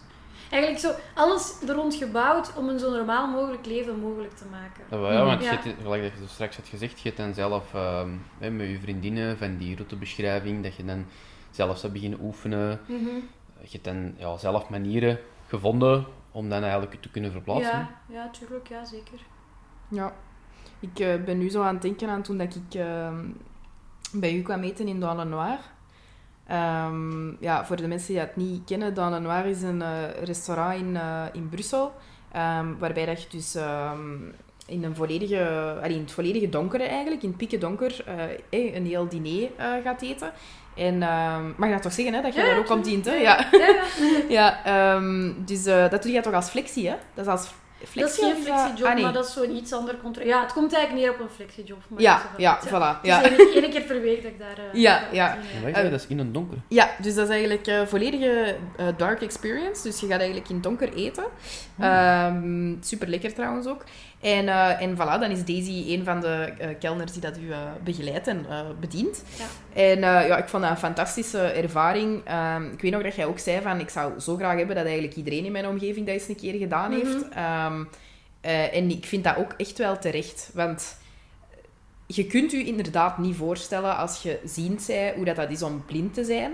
Ehm, en dit is eigenlijk zo het topje van een ijsberg, Mhm, zeg maar. Dat ja. je eens een keer kunt ervaren van, ja, dit is het als je dus echt niks ziet. Hè. En Mhm, ik vond dat mhm. eigenlijk een hele, hele mooie ervaring. Ja. Mhm. En ik heb toen ook zo al bepaalde dingen toegepast dat ik u vaak ook zie doen als wij, Ja. als wij gaan eten. Hè. Ja, ik heb dat Zo, gezien. ja. Gelijk zo, hè, je, je glas inschenken, ja, eh, dat je wel even moet voelen van, zit ik al bijna aan de rand Ja, of ja, niet? En, eh, Mhm. en, mijn, en de vriend waar dat ik toen mee, eh, mee op diner was, ja, die wist dat allemaal niet. Dus ik zo, ah, maar ik weet dat al, je moet dat zo en zo doen. zo doen. Ja. En ook zo Ja. de afhankelijkheid. Hè. Allee, ik had over het laatst een tafel. En oké, die mensen waren een beetje, een beetje zat, denk ik, op het einde van de. Maar er was er één en die zei... Ik moet dringend naar het wc. En ik zei... Ja, ik, ehm, ik ga u direct naar buiten brengen. ehm, maar ik zit nu met een hoop warme voorgerechten die ik eerst ga opdienen aan de andere tafel. Hè, want anders worden die koud. Ik ga, die, ik ga die opdienen en ik ben binnen twee minuten bij u. En dan zei hij echt zo... Nee, ik moet echt nu heel dringend naar het wc. Dat ik echt zoiets had van... Amai, sorry, maar als ik zo zou moeten doen... Allee, hoe vaak dat ik moet. Oké, mensen zijn altijd heel vriendelijk. Maar je moet wel altijd even wachten. Je kunt niet zomaar zeggen... Ik wil nu een glas water. Ik wil nu naar daar. Ik moet nu... Allee, en dat ik echt zoiets had van... Ik, ik heb dat ook gezegd. Ik zeg, ja, kijk. Dat is, die gaan nu even wachten. Dat zijn een keer de rollen, de rollen omgekeerd. Ja, ja, Dat ik dacht, ja, je zit toch een volwassen mensen, je gaat het niet in je broek pissen, omdat je... Dat was letterlijk twee... Ik was twee minuten later daar, hè. Dus dan had ik ook zoiets van, ja, dat is dan een keer goed om, om te ervaren dat je... Je kunt niet zeggen, ik ga nu naar het wc. Dat gaat niet. Nee, nee. Maar die dat mensen- is zo een beetje kinderlijk ook. Ja, Die- die inderdaad. Die mensen worden dan effectief wel begeleid wanneer ze daar zijn. Ja, ja, tuurlijk. Dus we zitten die Ah. aan tafel en, en, en als die naar het toilet moeten, dan brengen we die naar buiten en zo, geen probleem. Maar ik had wel zoiets van, ja, ik, ik snap dat jij het gewend bent als je op restaurant zit om te zeggen, ik moet nu naar het toilet, ik sta recht en ik ga naar het wc. Maar in mijn wereld is dat ook niet zo. Als ik naar het wc moet, vraag ik aan u, kunnen we even naar het wc gaan? En als jij zou zeggen, ja, ik ga juist nog rap even mijn glas leeg drinken en ik ga mee, zou ik nooit zeggen, ja, maar ik moet wel echt nu naar het wc. Allee, ik bedoel, zo werkt dat niet, hè? Allee, Nee. Dus ik had zoiets van, oh, dat is nu een goede oefening. Ja. ja, dat moet toch ook stiekem er eens wel leuk zijn voor zo Ergens inderdaad langs een andere kant te staan. Ja, en ik vond... Ik, allee, want ik had misschien, als ik heel... Ja, ik, ik moest wel echt die, die, die gerechten opdienen, maar ik had dat misschien... Ik had mijn bochten kunnen wringen om dat anders misschien aan te pakken, maar ik had wel zoiets van twee minuutjes. Maar ja, kunnen wachten. tuurlijk, ja. Allee, Terecht. ja. Terecht. Ja. Ja, speciale ervaring wel. Ja, Ja. maar dat moeten echt eens gedaan hebben ze. Dat is echt... eh, ik raad aan iedereen... Ik zou dat eigenlijk nog eens willen doen. Dat is echt wel... ehm, ja, altijd welkom. Ik heb Ja. ook al veel vrienden kunnen overtuigen. Er zijn er toch al wel een stuk of tien ondertussen die Ah, geweest. super, super. Dus dat is heel goed, ja. Hoe bestel je dan bijvoorbeeld? Het is een vaste menu. Ah, Ah, ja, oké. ja. Ja. ja. Dus je kunt op voorhand wel allergieën en eh, of eventuele food restrictions doorgeven, maar Oké, ja, dat is, eh, Wat ik, dat, dat vond ik dan weer wel heel spannend, omdat eh, je kent mij, ik, ik lust helemaal niet zoveel groenten en zo. En Mhm. ik, was, ik was echt zo van, oh my god, ik weet eigenlijk helemaal niet zo goed wat ik ga krijgen en wat Ja, ligt je er op mijn bord. niet weten wat dat je gaat eten ook niet. Dat is ook nog iets... eh, Ja, inderdaad. Dus dat, is, dat is wel zo'n mega harde surprise. ja, Eh, sowieso. maar dat maakt het dan ook wel weer leuk of zo. Ja, Ja. ja, zeker. Om daar op die Mhm. manier... En eigenlijk is dat voor mensen die niet zoveel lusten misschien ook wel ineens een goede uitdaging of zo. Ja, Ja, omdat je dan ook wel merkt dat veel mensen dan zo achteraf zeggen van ah, ik lust dat normaal niet. Ja. Maar ik heb dat nu niet eens geproefd. Voilà. Ja, voilà. maar dat, dat heeft inderdaad veel te maken met als dat je, als je al ziet wat je op het bord krijgt en dan dat je er al van begint te walgen. Ja. En dat je, dat je eigenlijk al begint na te denken, ik lust dat niet. Ja. Terwijl als je gewoon maar dingen zou eten zonder er naar te zien, dan is dat helemaal anders. Hè? Ja, ja, dat dan, is heb je alleen, is- dan heb je alleen maar je... je ehm, Uw andere zintuigen ja, je andere zintuigen, zoals eh, hè, reuk, smaak. Ja. En dan kan het zijn dat je dat ineens wel lekker vindt.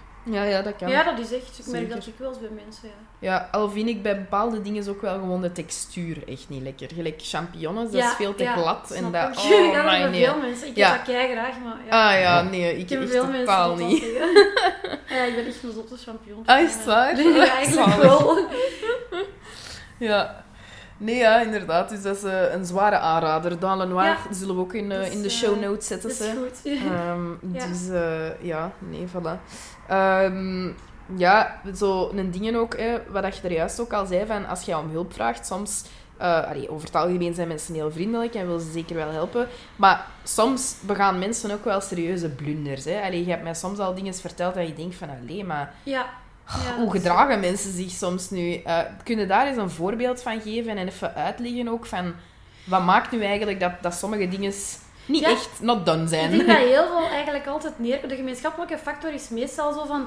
Je doet wat dat je denkt dat je kunt doen om te helpen, maar je vraagt het totaal niet meer. Dus ik heb heel veel mensen die dan mij dan zo ineens keihard bij mijn arm pakken bijvoorbeeld en mij dan zo bijna ergens mee naartoe sleuren. Dat ik zo denk van, maar je weet niet eens waar dat ik moet zijn. Je hebt mij ook niks gevraagd. Allee, ik denk dat heel veel neerkomt op...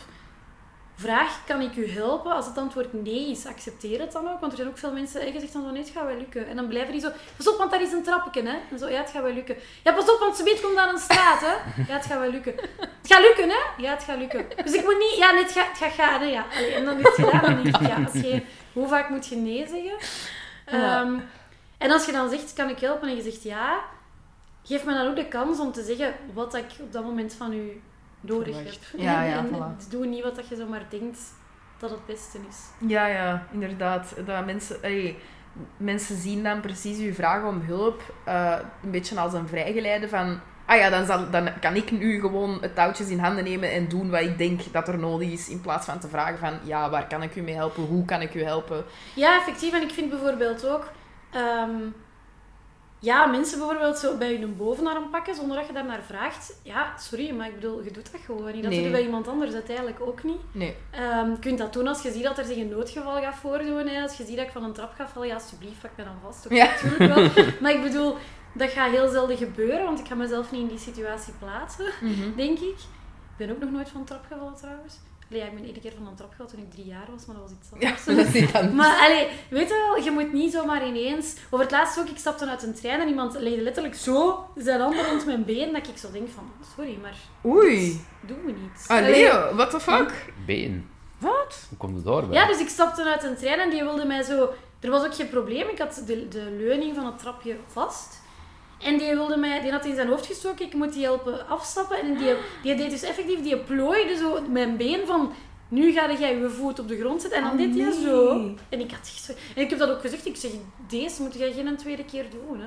Maar allee, wat, wat bezielt mensen toch soms? Ja, ik denk dat die op dat moment ook wel gewoon weinig tijd hebben om na te denken. En die zien iets en die denken, ik wil helpen en ik doe het eerste wat je nu opkomt. Ik snap het ook ergens wel hoor, omdat je ook geen tijd hebt op dat moment om te Ja, maar dat is toch nog altijd wel heel impulsief, Het is heel impulsief en het is ook gewoon heel invasief voor mij. Dat voelt echt Tuurlijk. niet oké. Dat, allee, ik ben Dat niet zo extreem daarin. Ik bedoel, mensen mogen mij gerust wel, wel aanraken. Ik ben daar niet zo gevoelig aan, maar, maar dat doet je niet. En ik heb dat toen ook tegen die persoon gezegd en ik was echt gechoqueerd ook door zijn reactie. Want die zei ook niet van, ah ja, sorry, je hebt gelijk, had dat niet moeten doen. Die zegt zo, ik heb dat wel gedaan voor je goed, hè. Oh, en toen nee. heb ik echt gezegd, je hebt niet voor mij goed gedaan, je hebt me alleen maar meer in de war gebracht en bovendien, het was heel onbeleefd. Ja, absoluut. Maar goed dat je dat ook wel zegt. Want allee, ook, dat vind ik ook wel degoutant. Dat je dan zelfs niet beseft dat dat eigenlijk echt een grensoverschrijding Ja, is. dat was voor mij echt wel zo'n voorbeeld dat ik dacht van... Ja, ik was daar ook nog zo wel echt een half uur nadien zo van gechoqueerd. Zo van, hè, wat is er nu net gebeurd? Ja, tuurlijk. Maar, ja, want ja. ja, sorry, hè, maar voor hetzelfde geld is dat toch, toch met een slechte insteek. Hè? Want, Ja, ik denk dat nu wel echt niet zo. hè. Ik had ook niet dat gevoel. Ah, oké. Eh, ja. Nee, want allee, hij liet dat ook wel direct los als ik dan op de grond stond. Ah, ja. Nee, nee dat, denk ja. ik, dat denk ik niet. En daar ligt ook voor mij het punt niet. Het is gewoon zo van... Ja, dat doet het toch bij iemand anders ook niet. Dus wat doet u denken dat dat oké is om dat dan bij mij wel te doen? Ja. Allee, Ja, ja. dus ja. Ja, en dan direct in defensiemodus. Ja, maar ik doe het maar om goed te doen. Ja, kun je niet even je verplaatsen in een andere persoon? Maar ja, dat, ja, dat komt toch gewoon Ja, niet zei ook niet, deed om goed te doen. Hij zei, het was voor u goed. Zei, nee, het was niet voor mij goed. Het heeft mij absoluut geen goed gedaan. dus, dus nee. Goed gezegd. ja, ja, dus eigenlijk, eh, ik neem eruit mee, hè, vooral vragen ook gewoon. Vragen en ook naar het antwoord luisteren. Luisteren, Ja, voilà. En als het een nee is, dan is het een nee. dan en dan laten nee. mensen gewoon doen. Ja, Ik legde zo eigenlijk de link met het voorbeeld dat je gaf. Hè, dat, dat mensen dan zo van, ja, ze- pas op, hè, want, zijt je zeker dat het gaat lukken? Zo, dat doet me echt keihard denken aan zo ouders die dat hun kinderen ook kei moeilijk kunnen loslaten. Ja, zo heel echt. angstige mensen. Zo, die, inderdaad. want die, die doen dat soms met vrienden ook. Hè. Zo, ja, maar pas op, hè. Allee, dat zijn zo ja, heel... ja, effectief. Ja, mensen die heel En dat is controlegericht zijn. dat is eigenlijk heel irritant, want je moet je dan aan het concentreren op je weg en ondertussen moet je dan je energie steken in zeggen nee, het gaat lukken, nee, het gaat lukken, nee, het gaat lukken. En dan Ja. denk ik, ja, dit is echt een totaal niet constructieve situatie. Nee, Maar oké. ik denk dat dat ook wel echt zo'n type mensen Ja, is. en ook zo dan denk ik zo, wat denkt je dat ik ga zeggen? Ik heb al drie keer nee gezegd, denk je dan echt dat ik de vierde keer zou Ja. zeggen? Ja, nee, als ik eigenlijk eerlijk ben, deze gaat echt niet lukken. Allee, ik bedoel, wat denk je, wat verwachten nu eigenlijk? Maar dat is echt puur voor die hun eigen onrust, dat die zo'n Ja, ja, dan dat is. blijven Ik denk zeggen. ook niet meer Ja. dat die effectief dan verwacht dat ik ga zeggen. Nee. Volgens mij zouden die heel hard verschieten als ik dan uiteindelijk zou zeggen, ja nee, het gaat eigenlijk niet lukken. Want ondertussen staan die ook al drie meter verder. Dus je merkt ook, die, die, die gaan ook niet meer komen helpen. Hè. Dat is gewoon echt zo, heb ik het wel voldoende gevraagd? Kan ik me een gerust geweten door? Ja, oké, check. Ja, ja, echt. En nee, allee, pas op, ik begrijp dat allemaal wel, hè, maar... Ja, ja, maar ehm, het is mooi dat jij het begrijpt. En je bent ook een heel empathisch persoon en heel begripvol en wijs ook, vind ik. Ehm, maar ja, anderzijds vind ik dat an- andere mensen u ook wel eens mogen begrijpen. Hè? En zich Ja, ook ja, wel eens mogen inleven in hè, hoe dat, dat is voor u. Want ehm, dat, is, dat is echt gewoon niet leuk. Dat je op, en, en ik kan mij ook voorstellen, op sommige dagen kun je dat er echt gewoon niet bij Nee, hebben. dat is zo. Soms zijn er dagen dat je dan ook echt bits reageert. Hè. En achteraf voel je daar natuurlijk ook wel een beetje ambetant over. Omdat je ook wel denkt van, oh ja, dat was allemaal wel goed bedoeld en zo. Maar soms zijn er echt dagen dat ik inderdaad wel zeg van... Ja, bijvoorbeeld in die situatie dat ik wel zeg, zo, maar ik heb nu toch echt al vier keer nee gezegd. Allee, en dan, dan voel ik me wel achteraf zo'n beetje slecht, maar ja. Ja, maar allee, ik snap dat ergens wel. En, allee, ik, zeg het, iedereen heeft, eh, heeft wel eens dagen waarop dat, dat ze een korter lunchje hebben. En als je dan zo'n dingen ook nog eens mee, mee moet maken, of eh, ja, begrijpelijk, hè? je bent ook maar een mens. Hè? Ja, het is ook zo gewoon, als je dan als je momenten hebt dat je moe bent of je voelt je slecht, of, dan wil je eigenlijk gewoon ook niet aangesproken worden. Hè? Ja. Terwijl ik word heel wel aangesproken in, op eender welk traject. Ik pak ook bijna elke dag de trein natuurlijk om te gaan werken of om eh, ergens naartoe te gaan of naar vriendinnen. Of, en ja, soms zouden gewoon willen zeggen, ik stap nu op op punt A en ik wil tot punt B eigenlijk volledig in stilte doorbrengen. Maar Mhm. dat, dat, dat lukt eigenlijk niet. Hè. Dat, Nee, nee, dat nee, voilà. het geval. Dus, ja. Ja, ja, dat lijkt me heel frustrerend soms. Dat is ja. wel vermoeiend soms. Ja. ja, ja, daar zou ik het zelf ook denk ik wel moeilijk mee hebben. eh, ja. Ja, dat is soms wel inderdaad eh, vermoeiend. Maar de keerzijde van de medaille is ook wel dat ik op die manier ook al wel heel aangename mensen ben tegengekomen. Eh, dat ik soms ook wel leuke babbel heb. ja, vertel eens, Wel, ja. vertel, eens, vertel daar eens wat meer over. Wat is, zo, wat is voor u inderdaad de keerzijde van de medaille aan, aan blind zijn? Of ja, ik, ik, vind, ik denk dat ik wel veel sociale skills daardoor ontwikkeld heb. Zoals dat hulpvragen en zo. Ehm, ik heb dat al als kind veel gedaan. Ehm, ik kan ook heel goed mensen in mijn fysieke nabijheid verdragen. Omdat ik ja, heel veel mensen een arm geef en zo. En ehm, ik vind dat ook helemaal niet onnatuurlijk om dicht bij mensen te staan. Om die ja, effectief een arm te geven of zo. Geen probleem mee. Ehm, ja, ik weet niet. Ik zie, daar, ik zie daar inderdaad ook wel wat voordelen van. Ik denk, de band met mijn vrienden, ik heb soms het gevoel dat die sterker is dan, dan andere mensen. Omdat ik, ja, omdat ik die ook noodgedwongen meer om hulp moet vragen. Omdat zij ook meer voor mij doen. Ehm, Ja, dat is wel een interessante wat je nu aanhaalt, want inderdaad, hè, we hebben het daar straks gehad over dat sommige mensen, hè, ziend of blind, maakt niet uit, moeite hebben met hulp vragen en Mhm. hulp toelaten. Maar dat is iets heel krachtigs voor je vriendschappen en je relaties te versterken. Hè? Ja. En mhm. eh, het kan soms zelfs een beetje als een afwijzing voelen, of, of je vriendschap wat in het, allee, in het gedrang brengen is misschien een groot woord, maar eh, allee, eh, ja, toch een beetje een afwijzend gevoel geven aan iemand als je ehm, ze niet toestaat om je te helpen, Ja, ja, terwijl dat je zo. duidelijk nodig hebt, bijvoorbeeld, Ja, op dat moment. Hè? Mhm. Als je, ik heb dat zelf ook al gemerkt, dat als ik, als ik eh, om hulp vraag en dat effectief toelaat, dat, dat vrienden dat ook echt, eigenlijk echt wel fijn vinden om iets voor u te kunnen doen. Ja, hè? sowieso. Ja. Ja. en voor de rest, ja, ik denk, ik heb wel wat leren doorzetten. En ik ik denk dat ik wel creatieve manieren heb van dingen oplossen soms. Allee, dingen waar mensen zo niet aan denken. Ik merk soms ook dat, dat vriendinnen zo bijvoorbeeld zeggen van... Allee, of, of random andere mensen van... Ja, nee, dat gaat niet gaan, want ik zeg maar iets... Ik raak daar niet, want ik heb de auto dan niet of zo. En dat ik dan zo denk van... Huh? Allee, je gaat daar toch wel geraken? Als je Ja. wilt geraken. Allee, ik bedoel, dat gaat toch wel lukken? En ik bedoel, je hebt de bus, je hebt een fiets. Je, allee, ik bedoel, je hebt zelfs nog veel meer mogelijkheden dan dat ik heb. Zeker. Dus, allee, en zo ook andere dingen, dan, dat mensen zo soms zo, ja, dan moet ik dat dan doen. En dan merk ik zo dat ik direct in mijn hoofd zo, wacht, hoe zou ik dat doen? Ja, en allee, dat ik heel vaak zo precies 36 wegen meer in mijn hoofd heb van hoe, dat, hoe dat je tot een bepaald punt kunt komen, letterlijk of figuurlijk. Dus ja, dat vind ik wel een voordeel. Ja, ja, voilà. Je leert ook out of the box denken. Mhm. En, en eh, allee, jij zult misschien minder snel opgeven, waar de andere mensen al snel zeggen van, ja, maar dat is een beetje uit mijn comfortzone, ik Mhm, weet niet zo. niet Laat doen, maar, ja. Mhm. Ja, zeker. Zeker en vast. Nee, Ja. is een goeie. Dus ja. Ja, mooi. Ehm, zo een vraag waar dat zo er juist nog in mij opkwam, toen dat we het ook hadden over, ehm, over met de stok wandelen. Ehm, wat is nu eigenlijk de reden waarom dat sommige mensen een blindgeleide hond pakken en sommige mensen niet? Want jij hebt dat niet, hè, een blindgeleide Nee, hond? nee, nee. Ja, omdat dat, ik denk dat dat echt een kwestie van voorkeur is. Een hond heeft volgens mij wel echt veel voordelen. In de zin van, die kan natuurlijk wel meer dan een stok. Die kan bijvoorbeeld zelf wegen leren kennen. Die kan oversteekplaatsen herkennen, dat soort zaken. Maar het is ook wel heel intensief. Het is veel meer dan een huisdier. Hè? Want ik ken bepaalde mensen die een blindgeleide hond hebben. Ja, je moet die dan ook wel bijna constant bij hebben, want je zit daar eigenlijk ook constant een beetje mee in een soort van training. Als je zegt van ik gebruik die maar één dag op de zeven, ja, dan, dan gaat dat niet werken natuurlijk. Mhm. Eh, dan verleert je dat ook en dan, dan, dan creëer je ook die een band niet. Ehm, dus je moet wel echt bereid zijn om je leven te delen, nog meer dan met je partner, met je hond. Mhm. En ik, ja, dat ben ik gewoon niet. Ik bedoel, Mhm. dat is helemaal niet mijn, eh, mijn levensstijl. Ja, ik woon ook op een appartement in Leuven, allee, in het centrum van de stad. Ehm, ja, ik denk dat dat echt een kwestie van voorkeur is. Als je bereid bent om dat te doen, heeft dat heel veel voordelen. Mhm. Ehm, maar ja, voor, ik zag meer nadelen dan, dan voordelen. Ik ben eh, ook meer een mensenmens dan een dierenmens, denk ik. Dus ja, voor mij was dat... Ik heb daar ook nooit over getwijfeld of zo. Was gewoon... eh, Nee. Maar word je dan misschien ook niet iets lakser? Dat je meer gaat afhangen van de hond in plaats van zoals dat jij met je stok doet. Je, allee, je, je bedenkt zelf de wegen, je bedenkt zelf oplossingen. Ja, en ook natuurlijk, ja, dat is ook wel een levend wezen. Hè. Allee, over het laatste bijvoorbeeld zei iemand mij, ja, ik kan niet komen, want mijn hond is ziek.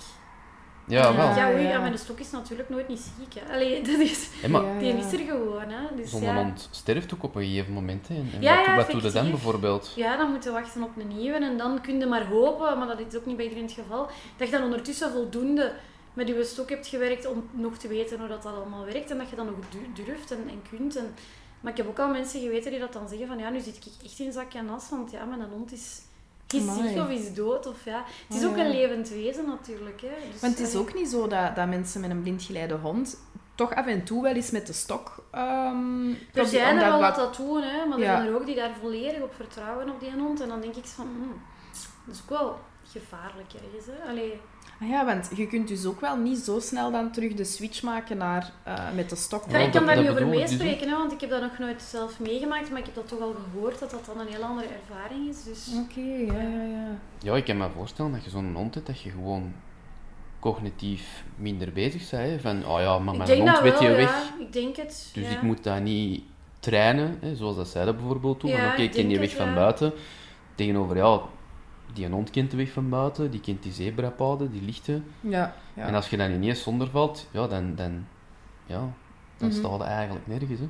Ja, ik denk ja, dat dat wel een risico is. Dan. Ja, ik kan me ook ergens voorstellen dat eens dat je daar dan ook zo'n band mee op, opgebouwd, dat dat ook als iets heel veiligs aanvoelt, hè, die hond. Ehm, Tuurlijk, ja, je zit ook niet alleen. Het, allee, ook in positieve zin is dat natuurlijk een levend wezen. Mhm, Allee, je, hebt mhm. daar, je hebt daar ook wel, denk ik, heel veel vriendschap van en heel veel gezelschap en veiligheid. En... Maar ja, dat heb ik bij mijn vriend ook. Ja, voilà. Die Ja. is ook soms wel ziek, maar dan kan ik toch nog altijd naar buiten. dat is wel waar, ja. Dus, ja. Ja, nee, het is zeker geen, eh, geen vereiste of zo. Dat kun je ook nog wel Nee, eh, ja, nee. bij een vriend eh, krijgen. Effectief. Dat is waar. Nee, ja, oké. Ehm, hoe, hoe kunnen wij zo eigenlijk als maatschappij ehm, ja, ervoor zorgen dat, dat mensen met een visuele beperking zich wat meer gehoord en gezien voelen? Hoe kunnen wij eigenlijk mee bijdragen aan ja, toch wel wat meer een inclusievere maatschappij op dat vlak? Ja, ik denk het zou zo normaler gegeven moeten worden of zo. Dus, dus ja, wat ik net al zei, van hulp aanbieden en dan het antwoord luisteren is belangrijk. Maar ik merk ook zo wel dat als ik met mensen dan bijvoorbeeld op straat loop en je vraagt die dan om hulp, die zien ook echt maar één aspect van mij. Wat dat die dan allemaal vragen, van, ah ja, en is dat dan niet moeilijk? En is dat al sinds je geboorte? En hoeveel zit je dan nog? En hoe is dat? Dan denk ik zo, oké, je hebt mij vijf vragen daarover gesteld op een minuut. Je hebt die allemaal op mij afgevuurd. Ik neem aan omdat je ontzettend nieuwsgierig bent, wat ik kan begrijpen.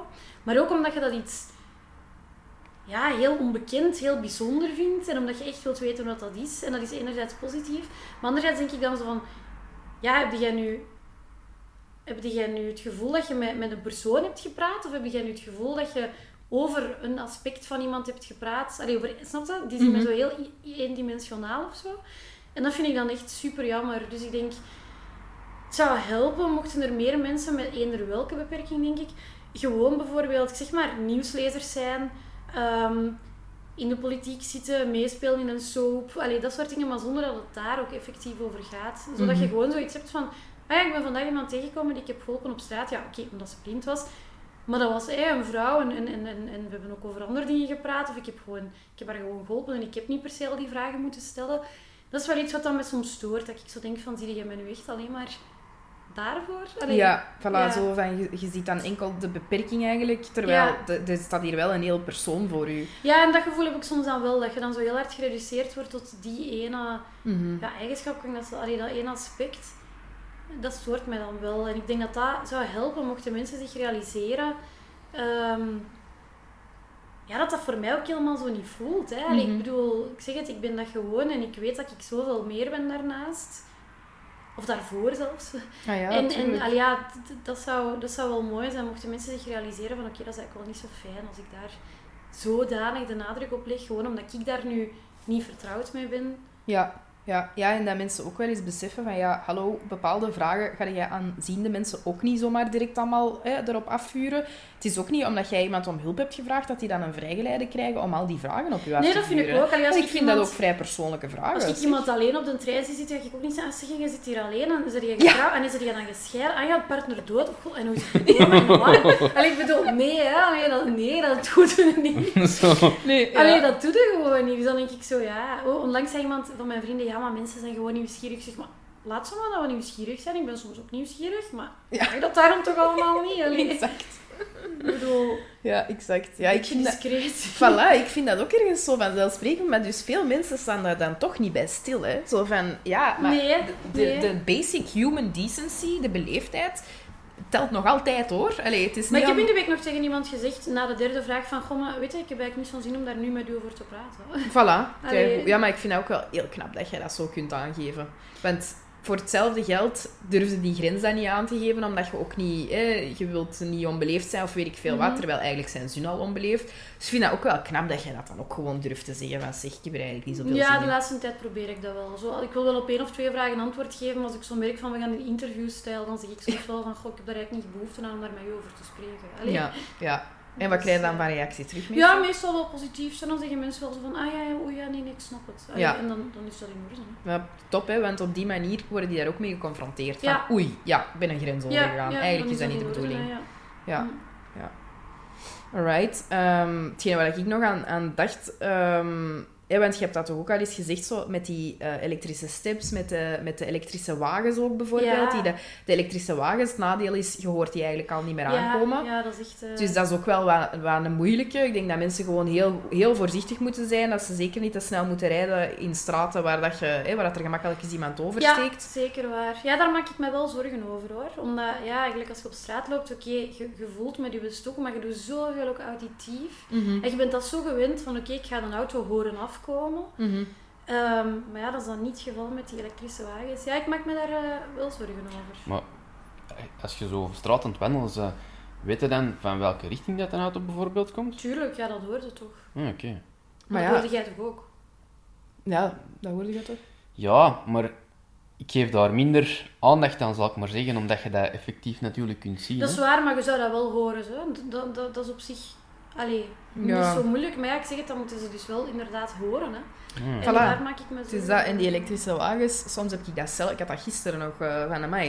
Ik had die helemaal niet horen aankomen. En inderdaad, ik heb dan de chance dat ik dat nog snel kan zien. Mhm, dat ik mijn kop mhm. nog kan draaien en zo... Ah, oké, er komt hier een wagen aan. Maar ja, die zijn er soms zo snel. En trouwens, Effectief, met ja. die elektrische steps ook. Hè. Want sommige, ja, sommige hoorden wel, maar sommige ook totaal niet. En die vliegen ineens uit het niks voor uw neus. Ik weet het niet, in Leuven wordt dat denk ik wel iets minder gebruikt dan In in, Brussel stad. veel, maar in Leuven veel meer. Ja, voilà, Brussel ook heel veel. Hè, Ja, ja, in En in wel. Antwerpen ook zo. Dan merk ik wel als ik ga werken. Dat Ja, ja, ja. Ja. en, en ze leggen die dan maar overal en eh, die, die liggen dan overal in de weg.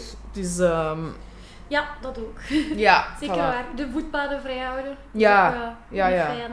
Ja, want eh, daar hebben ze al geprobeerd om wel wat regelingen in te zetten. Hè, dat je bepaalde steps niet meer kunt wegzetten in bepaalde regio's en zo. Mhm. Maar ze kunnen dat denk ik heel moeilijk specificeren van dit is een voetpad en hier mag de step niet op geparkeerd worden. Ik denk dat ze dat heel moeilijk in die, Maar het dat is alles, systeem het kunnen zijn, het zijn bakken die buiten staan, het zijn borden die buiten staan, het zijn fietsen die tegen een gevel staan. Het, zijn... Het is alles, hè. Ja. Dus allee, voetpaden zijn zelden voor meer dan 50 opeenvolgende meters gewoon vrij vrij. Mhm, En mhm. dat zou wel makkelijk zijn. Ja, en de helft van de tijd steken er allemaal van die tegels uit, of weet ik wat uit, ja. Of ze zijn super smal. Allee, gelijk eh, in Antwerpen heb je ook echt heel vaak zo van die mini voetpadjes dat je zo mak- allee, al, allemaal op één rij moet lopen als je elkaar wilt passeren. En Ja, dat is zo. ja, dat maakt het eh, soms echt wel niet zo evident, hè. Nee, dat is waar. Maar ja, dat zijn natuurlijk dingen, ja, dat kun je natuurlijk ook niet verwachten dat daar... Allee, we zijn natuurlijk ook in een enorme minderheid, hè, dus ik snap ook dat de wereld daar niet gigantisch goed op is aangepast, maar het zou wel beter kunnen. Ja, Een, Zeker. een tram, dat wordt ook niet aankomen, of wel? jawel, een tram wel. Ja, dat jawel, daar jawel, dat is vrij luid. Ja, ja. ja, jij bent duidelijk geen stadsmens, hè. Je Nope. zit hier eh, Not, not my thing. in één keer een Maar ik heb, staanbroek. ja, maar ja, ik moet toegeven, in, Ja, ja. Leuven zijn er ook geen trams. Ah ja, dat is ook waar, ja. En in Mechelen, waar ik veel kom, ook niet. En in Brussel, waar ik kom, eigenlijk ook niet. echt. Ah ja, Dus- nee, dat is, ja, dat is vooral metro in Brussel. Ja, Ja, ja. Ja, maar metro hoort ook wel echt hard. Maar nee, tram ook wel echt Ja, een bak. Ja. ja. En die zullen serieus wel eens beginnen tingen als jij al in Ja, ja, de die weg hebben zo loopt. dat hè. typisch tingeltjes. Ja, ja, ja, dat doen die vol een bak. Ja. Zelfs als je nog 50 meter afstand eh, hebt, gaan die al beginnen dingen ze van... Oh, die zijn Ja. wel al gewoon. Tuurlijk zijn die dat gewoon, maar het zal nog niet zeker. In de stad is dat constant. Dat is zo. Ja, ja, dat heb ik ook al gemerkt. Ja, nee, nee, dus... eh, Nee, alright. eh, ja, we hebben weer heel boeiende dingen eh, besproken, heb ik het idee. Ja, merci dat ik erover mocht vertellen. Ja, merci dat jij hier eh, over wou komen vertellen. Eh, ik hoop eh, dat, dat de luisteraars er thuis ook wel weer heel wat zaken aan hebben gehad. Ik heb zelf wel weer serieus bij, bijgeleerd. Ik hoop jij ook, Mike. We hebben weer nieuwe inzichten gekregen. Ja, zeker. Zeker en vast. Ehm, ja, dan rest er ons nog eh, onze slotvraag te stellen. Wij sluiten eigenlijk altijd eh, de aflevering af met eh, de slotvraag van... ehm, ja, welke kleine stappen, in dit geval dan, zou het zijn van welke kleine stappen kunnen mensen ehm, op korte termijn nog zetten om ja, hun conflicten eigenlijk beter op te lossen? Het zij met bemiddelaar, het zij zonder bemiddelaar. Ja, ik denk dat ik daar al voor een stuk antwoord op heb gegeven. Hè. Ik denk toch proberen zo wat meer je eigen ego-kwesties daarin los te laten. Ehm, echt een keer proberen te ontdoen van uw positie van, van trots en eigen overtuigingen, wat op zich ook heel krachtige emoties zijn. Die mogen ook zeker bestaan, maar die kunnen soms wel echt ehm, ja, voor een stagnatie, denk ik, zorgen in een conflict situatie. Dus ik denk even proberen wat afstand te nemen van uw eigen ik. ehm, dat laagje daaraf te pellen en echt naar de kern te gaan van ja, oké, waar zit ik nu eigenlijk echt mee?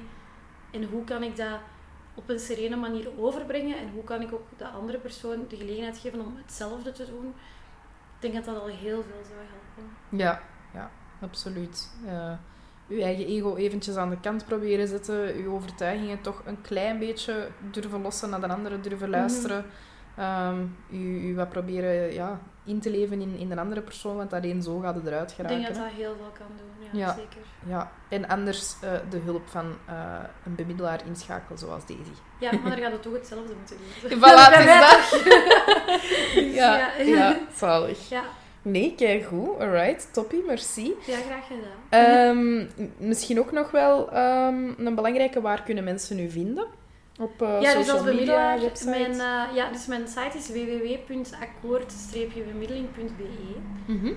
um, ja, eigenlijk voornamelijk daar. Ik heb nog geen Facebookpagina of zo van mijn bemiddelingspraktijk. Ik ben wel aan het denken om die te maken. Maar voorlopig is het dus vooral via, via de website. En daar staat dan mijn mailadres, mijn gsm-nummer en zo op. Dus dan kun je mij op die manier contacteren. Ja, super. Kijk goed. Oké, okay, toppie toppie. Um, de, we zullen dat sowieso in de show notes zetten. En dan ook uh, het restaurant Down Noir. Ja, er, voor diegenen die dat uh, de, de, in de Dinner in the Dark experience zouden ja. willen uh, ervaren. Um, Bestaan er nog meer dingen zo? Dan... Dan Dans le Noir? Allee, zo, zo met, met in België dark, niet. dark rooms of zo? Nee, in België niet echt, denk ik. Nee. Ah. Nee.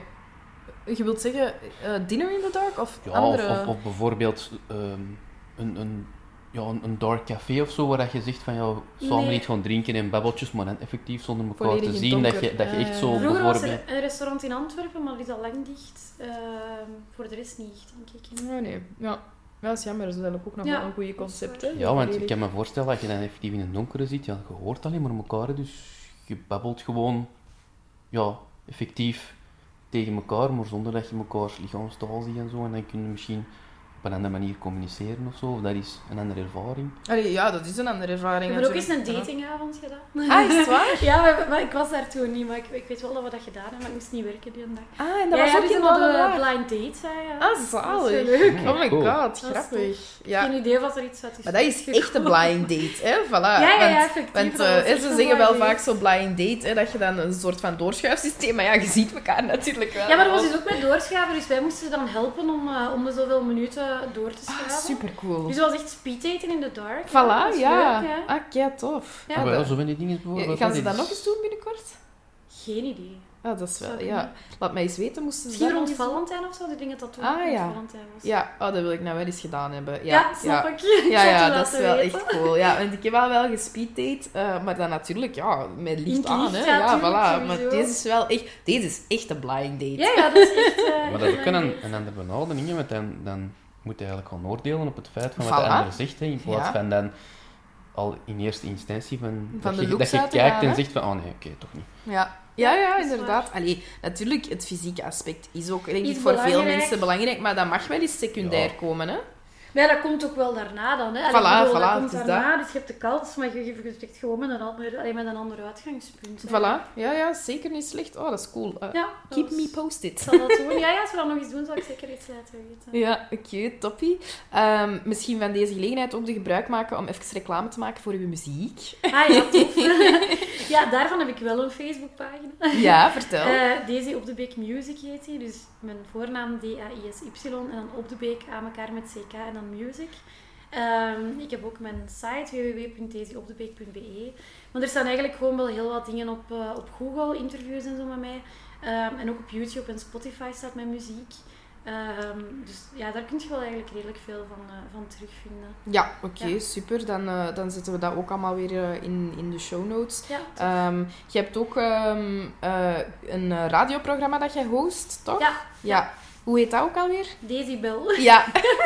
Op, op www.radioapollo.be. Super. En een of andere frequentie in de Kempen, maar ik zou niet weten welke. Zalig. Ja. Ja. Ja. en op Decibel ehm bespreekt jij ook veel verschillende topics, hè?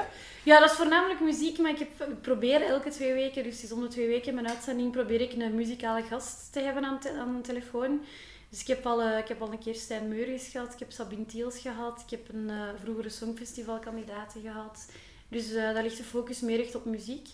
Ehm, Ja, maar tof, ja. Ja, ja, voilà. Dus voor eh, muziekliefhebbers eh, is dat ook wel een hele mooie om, eh, Ja. om eens te gaan checken. Alright, kijk goed, fijn, fijn. We zetten het sowieso allemaal in de beschrijving, Yes. dat iedereen er gemakkelijk bij kan. Tof. En ehm, voilà, heel erg merci voor, eh, voor tot hier te komen, voor, eh, voor het boeiende gesprek. En eh, dan is het tijd voor ons om eh, af te sluiten. Yes. Goed, tot de volgende! Tot de volgende.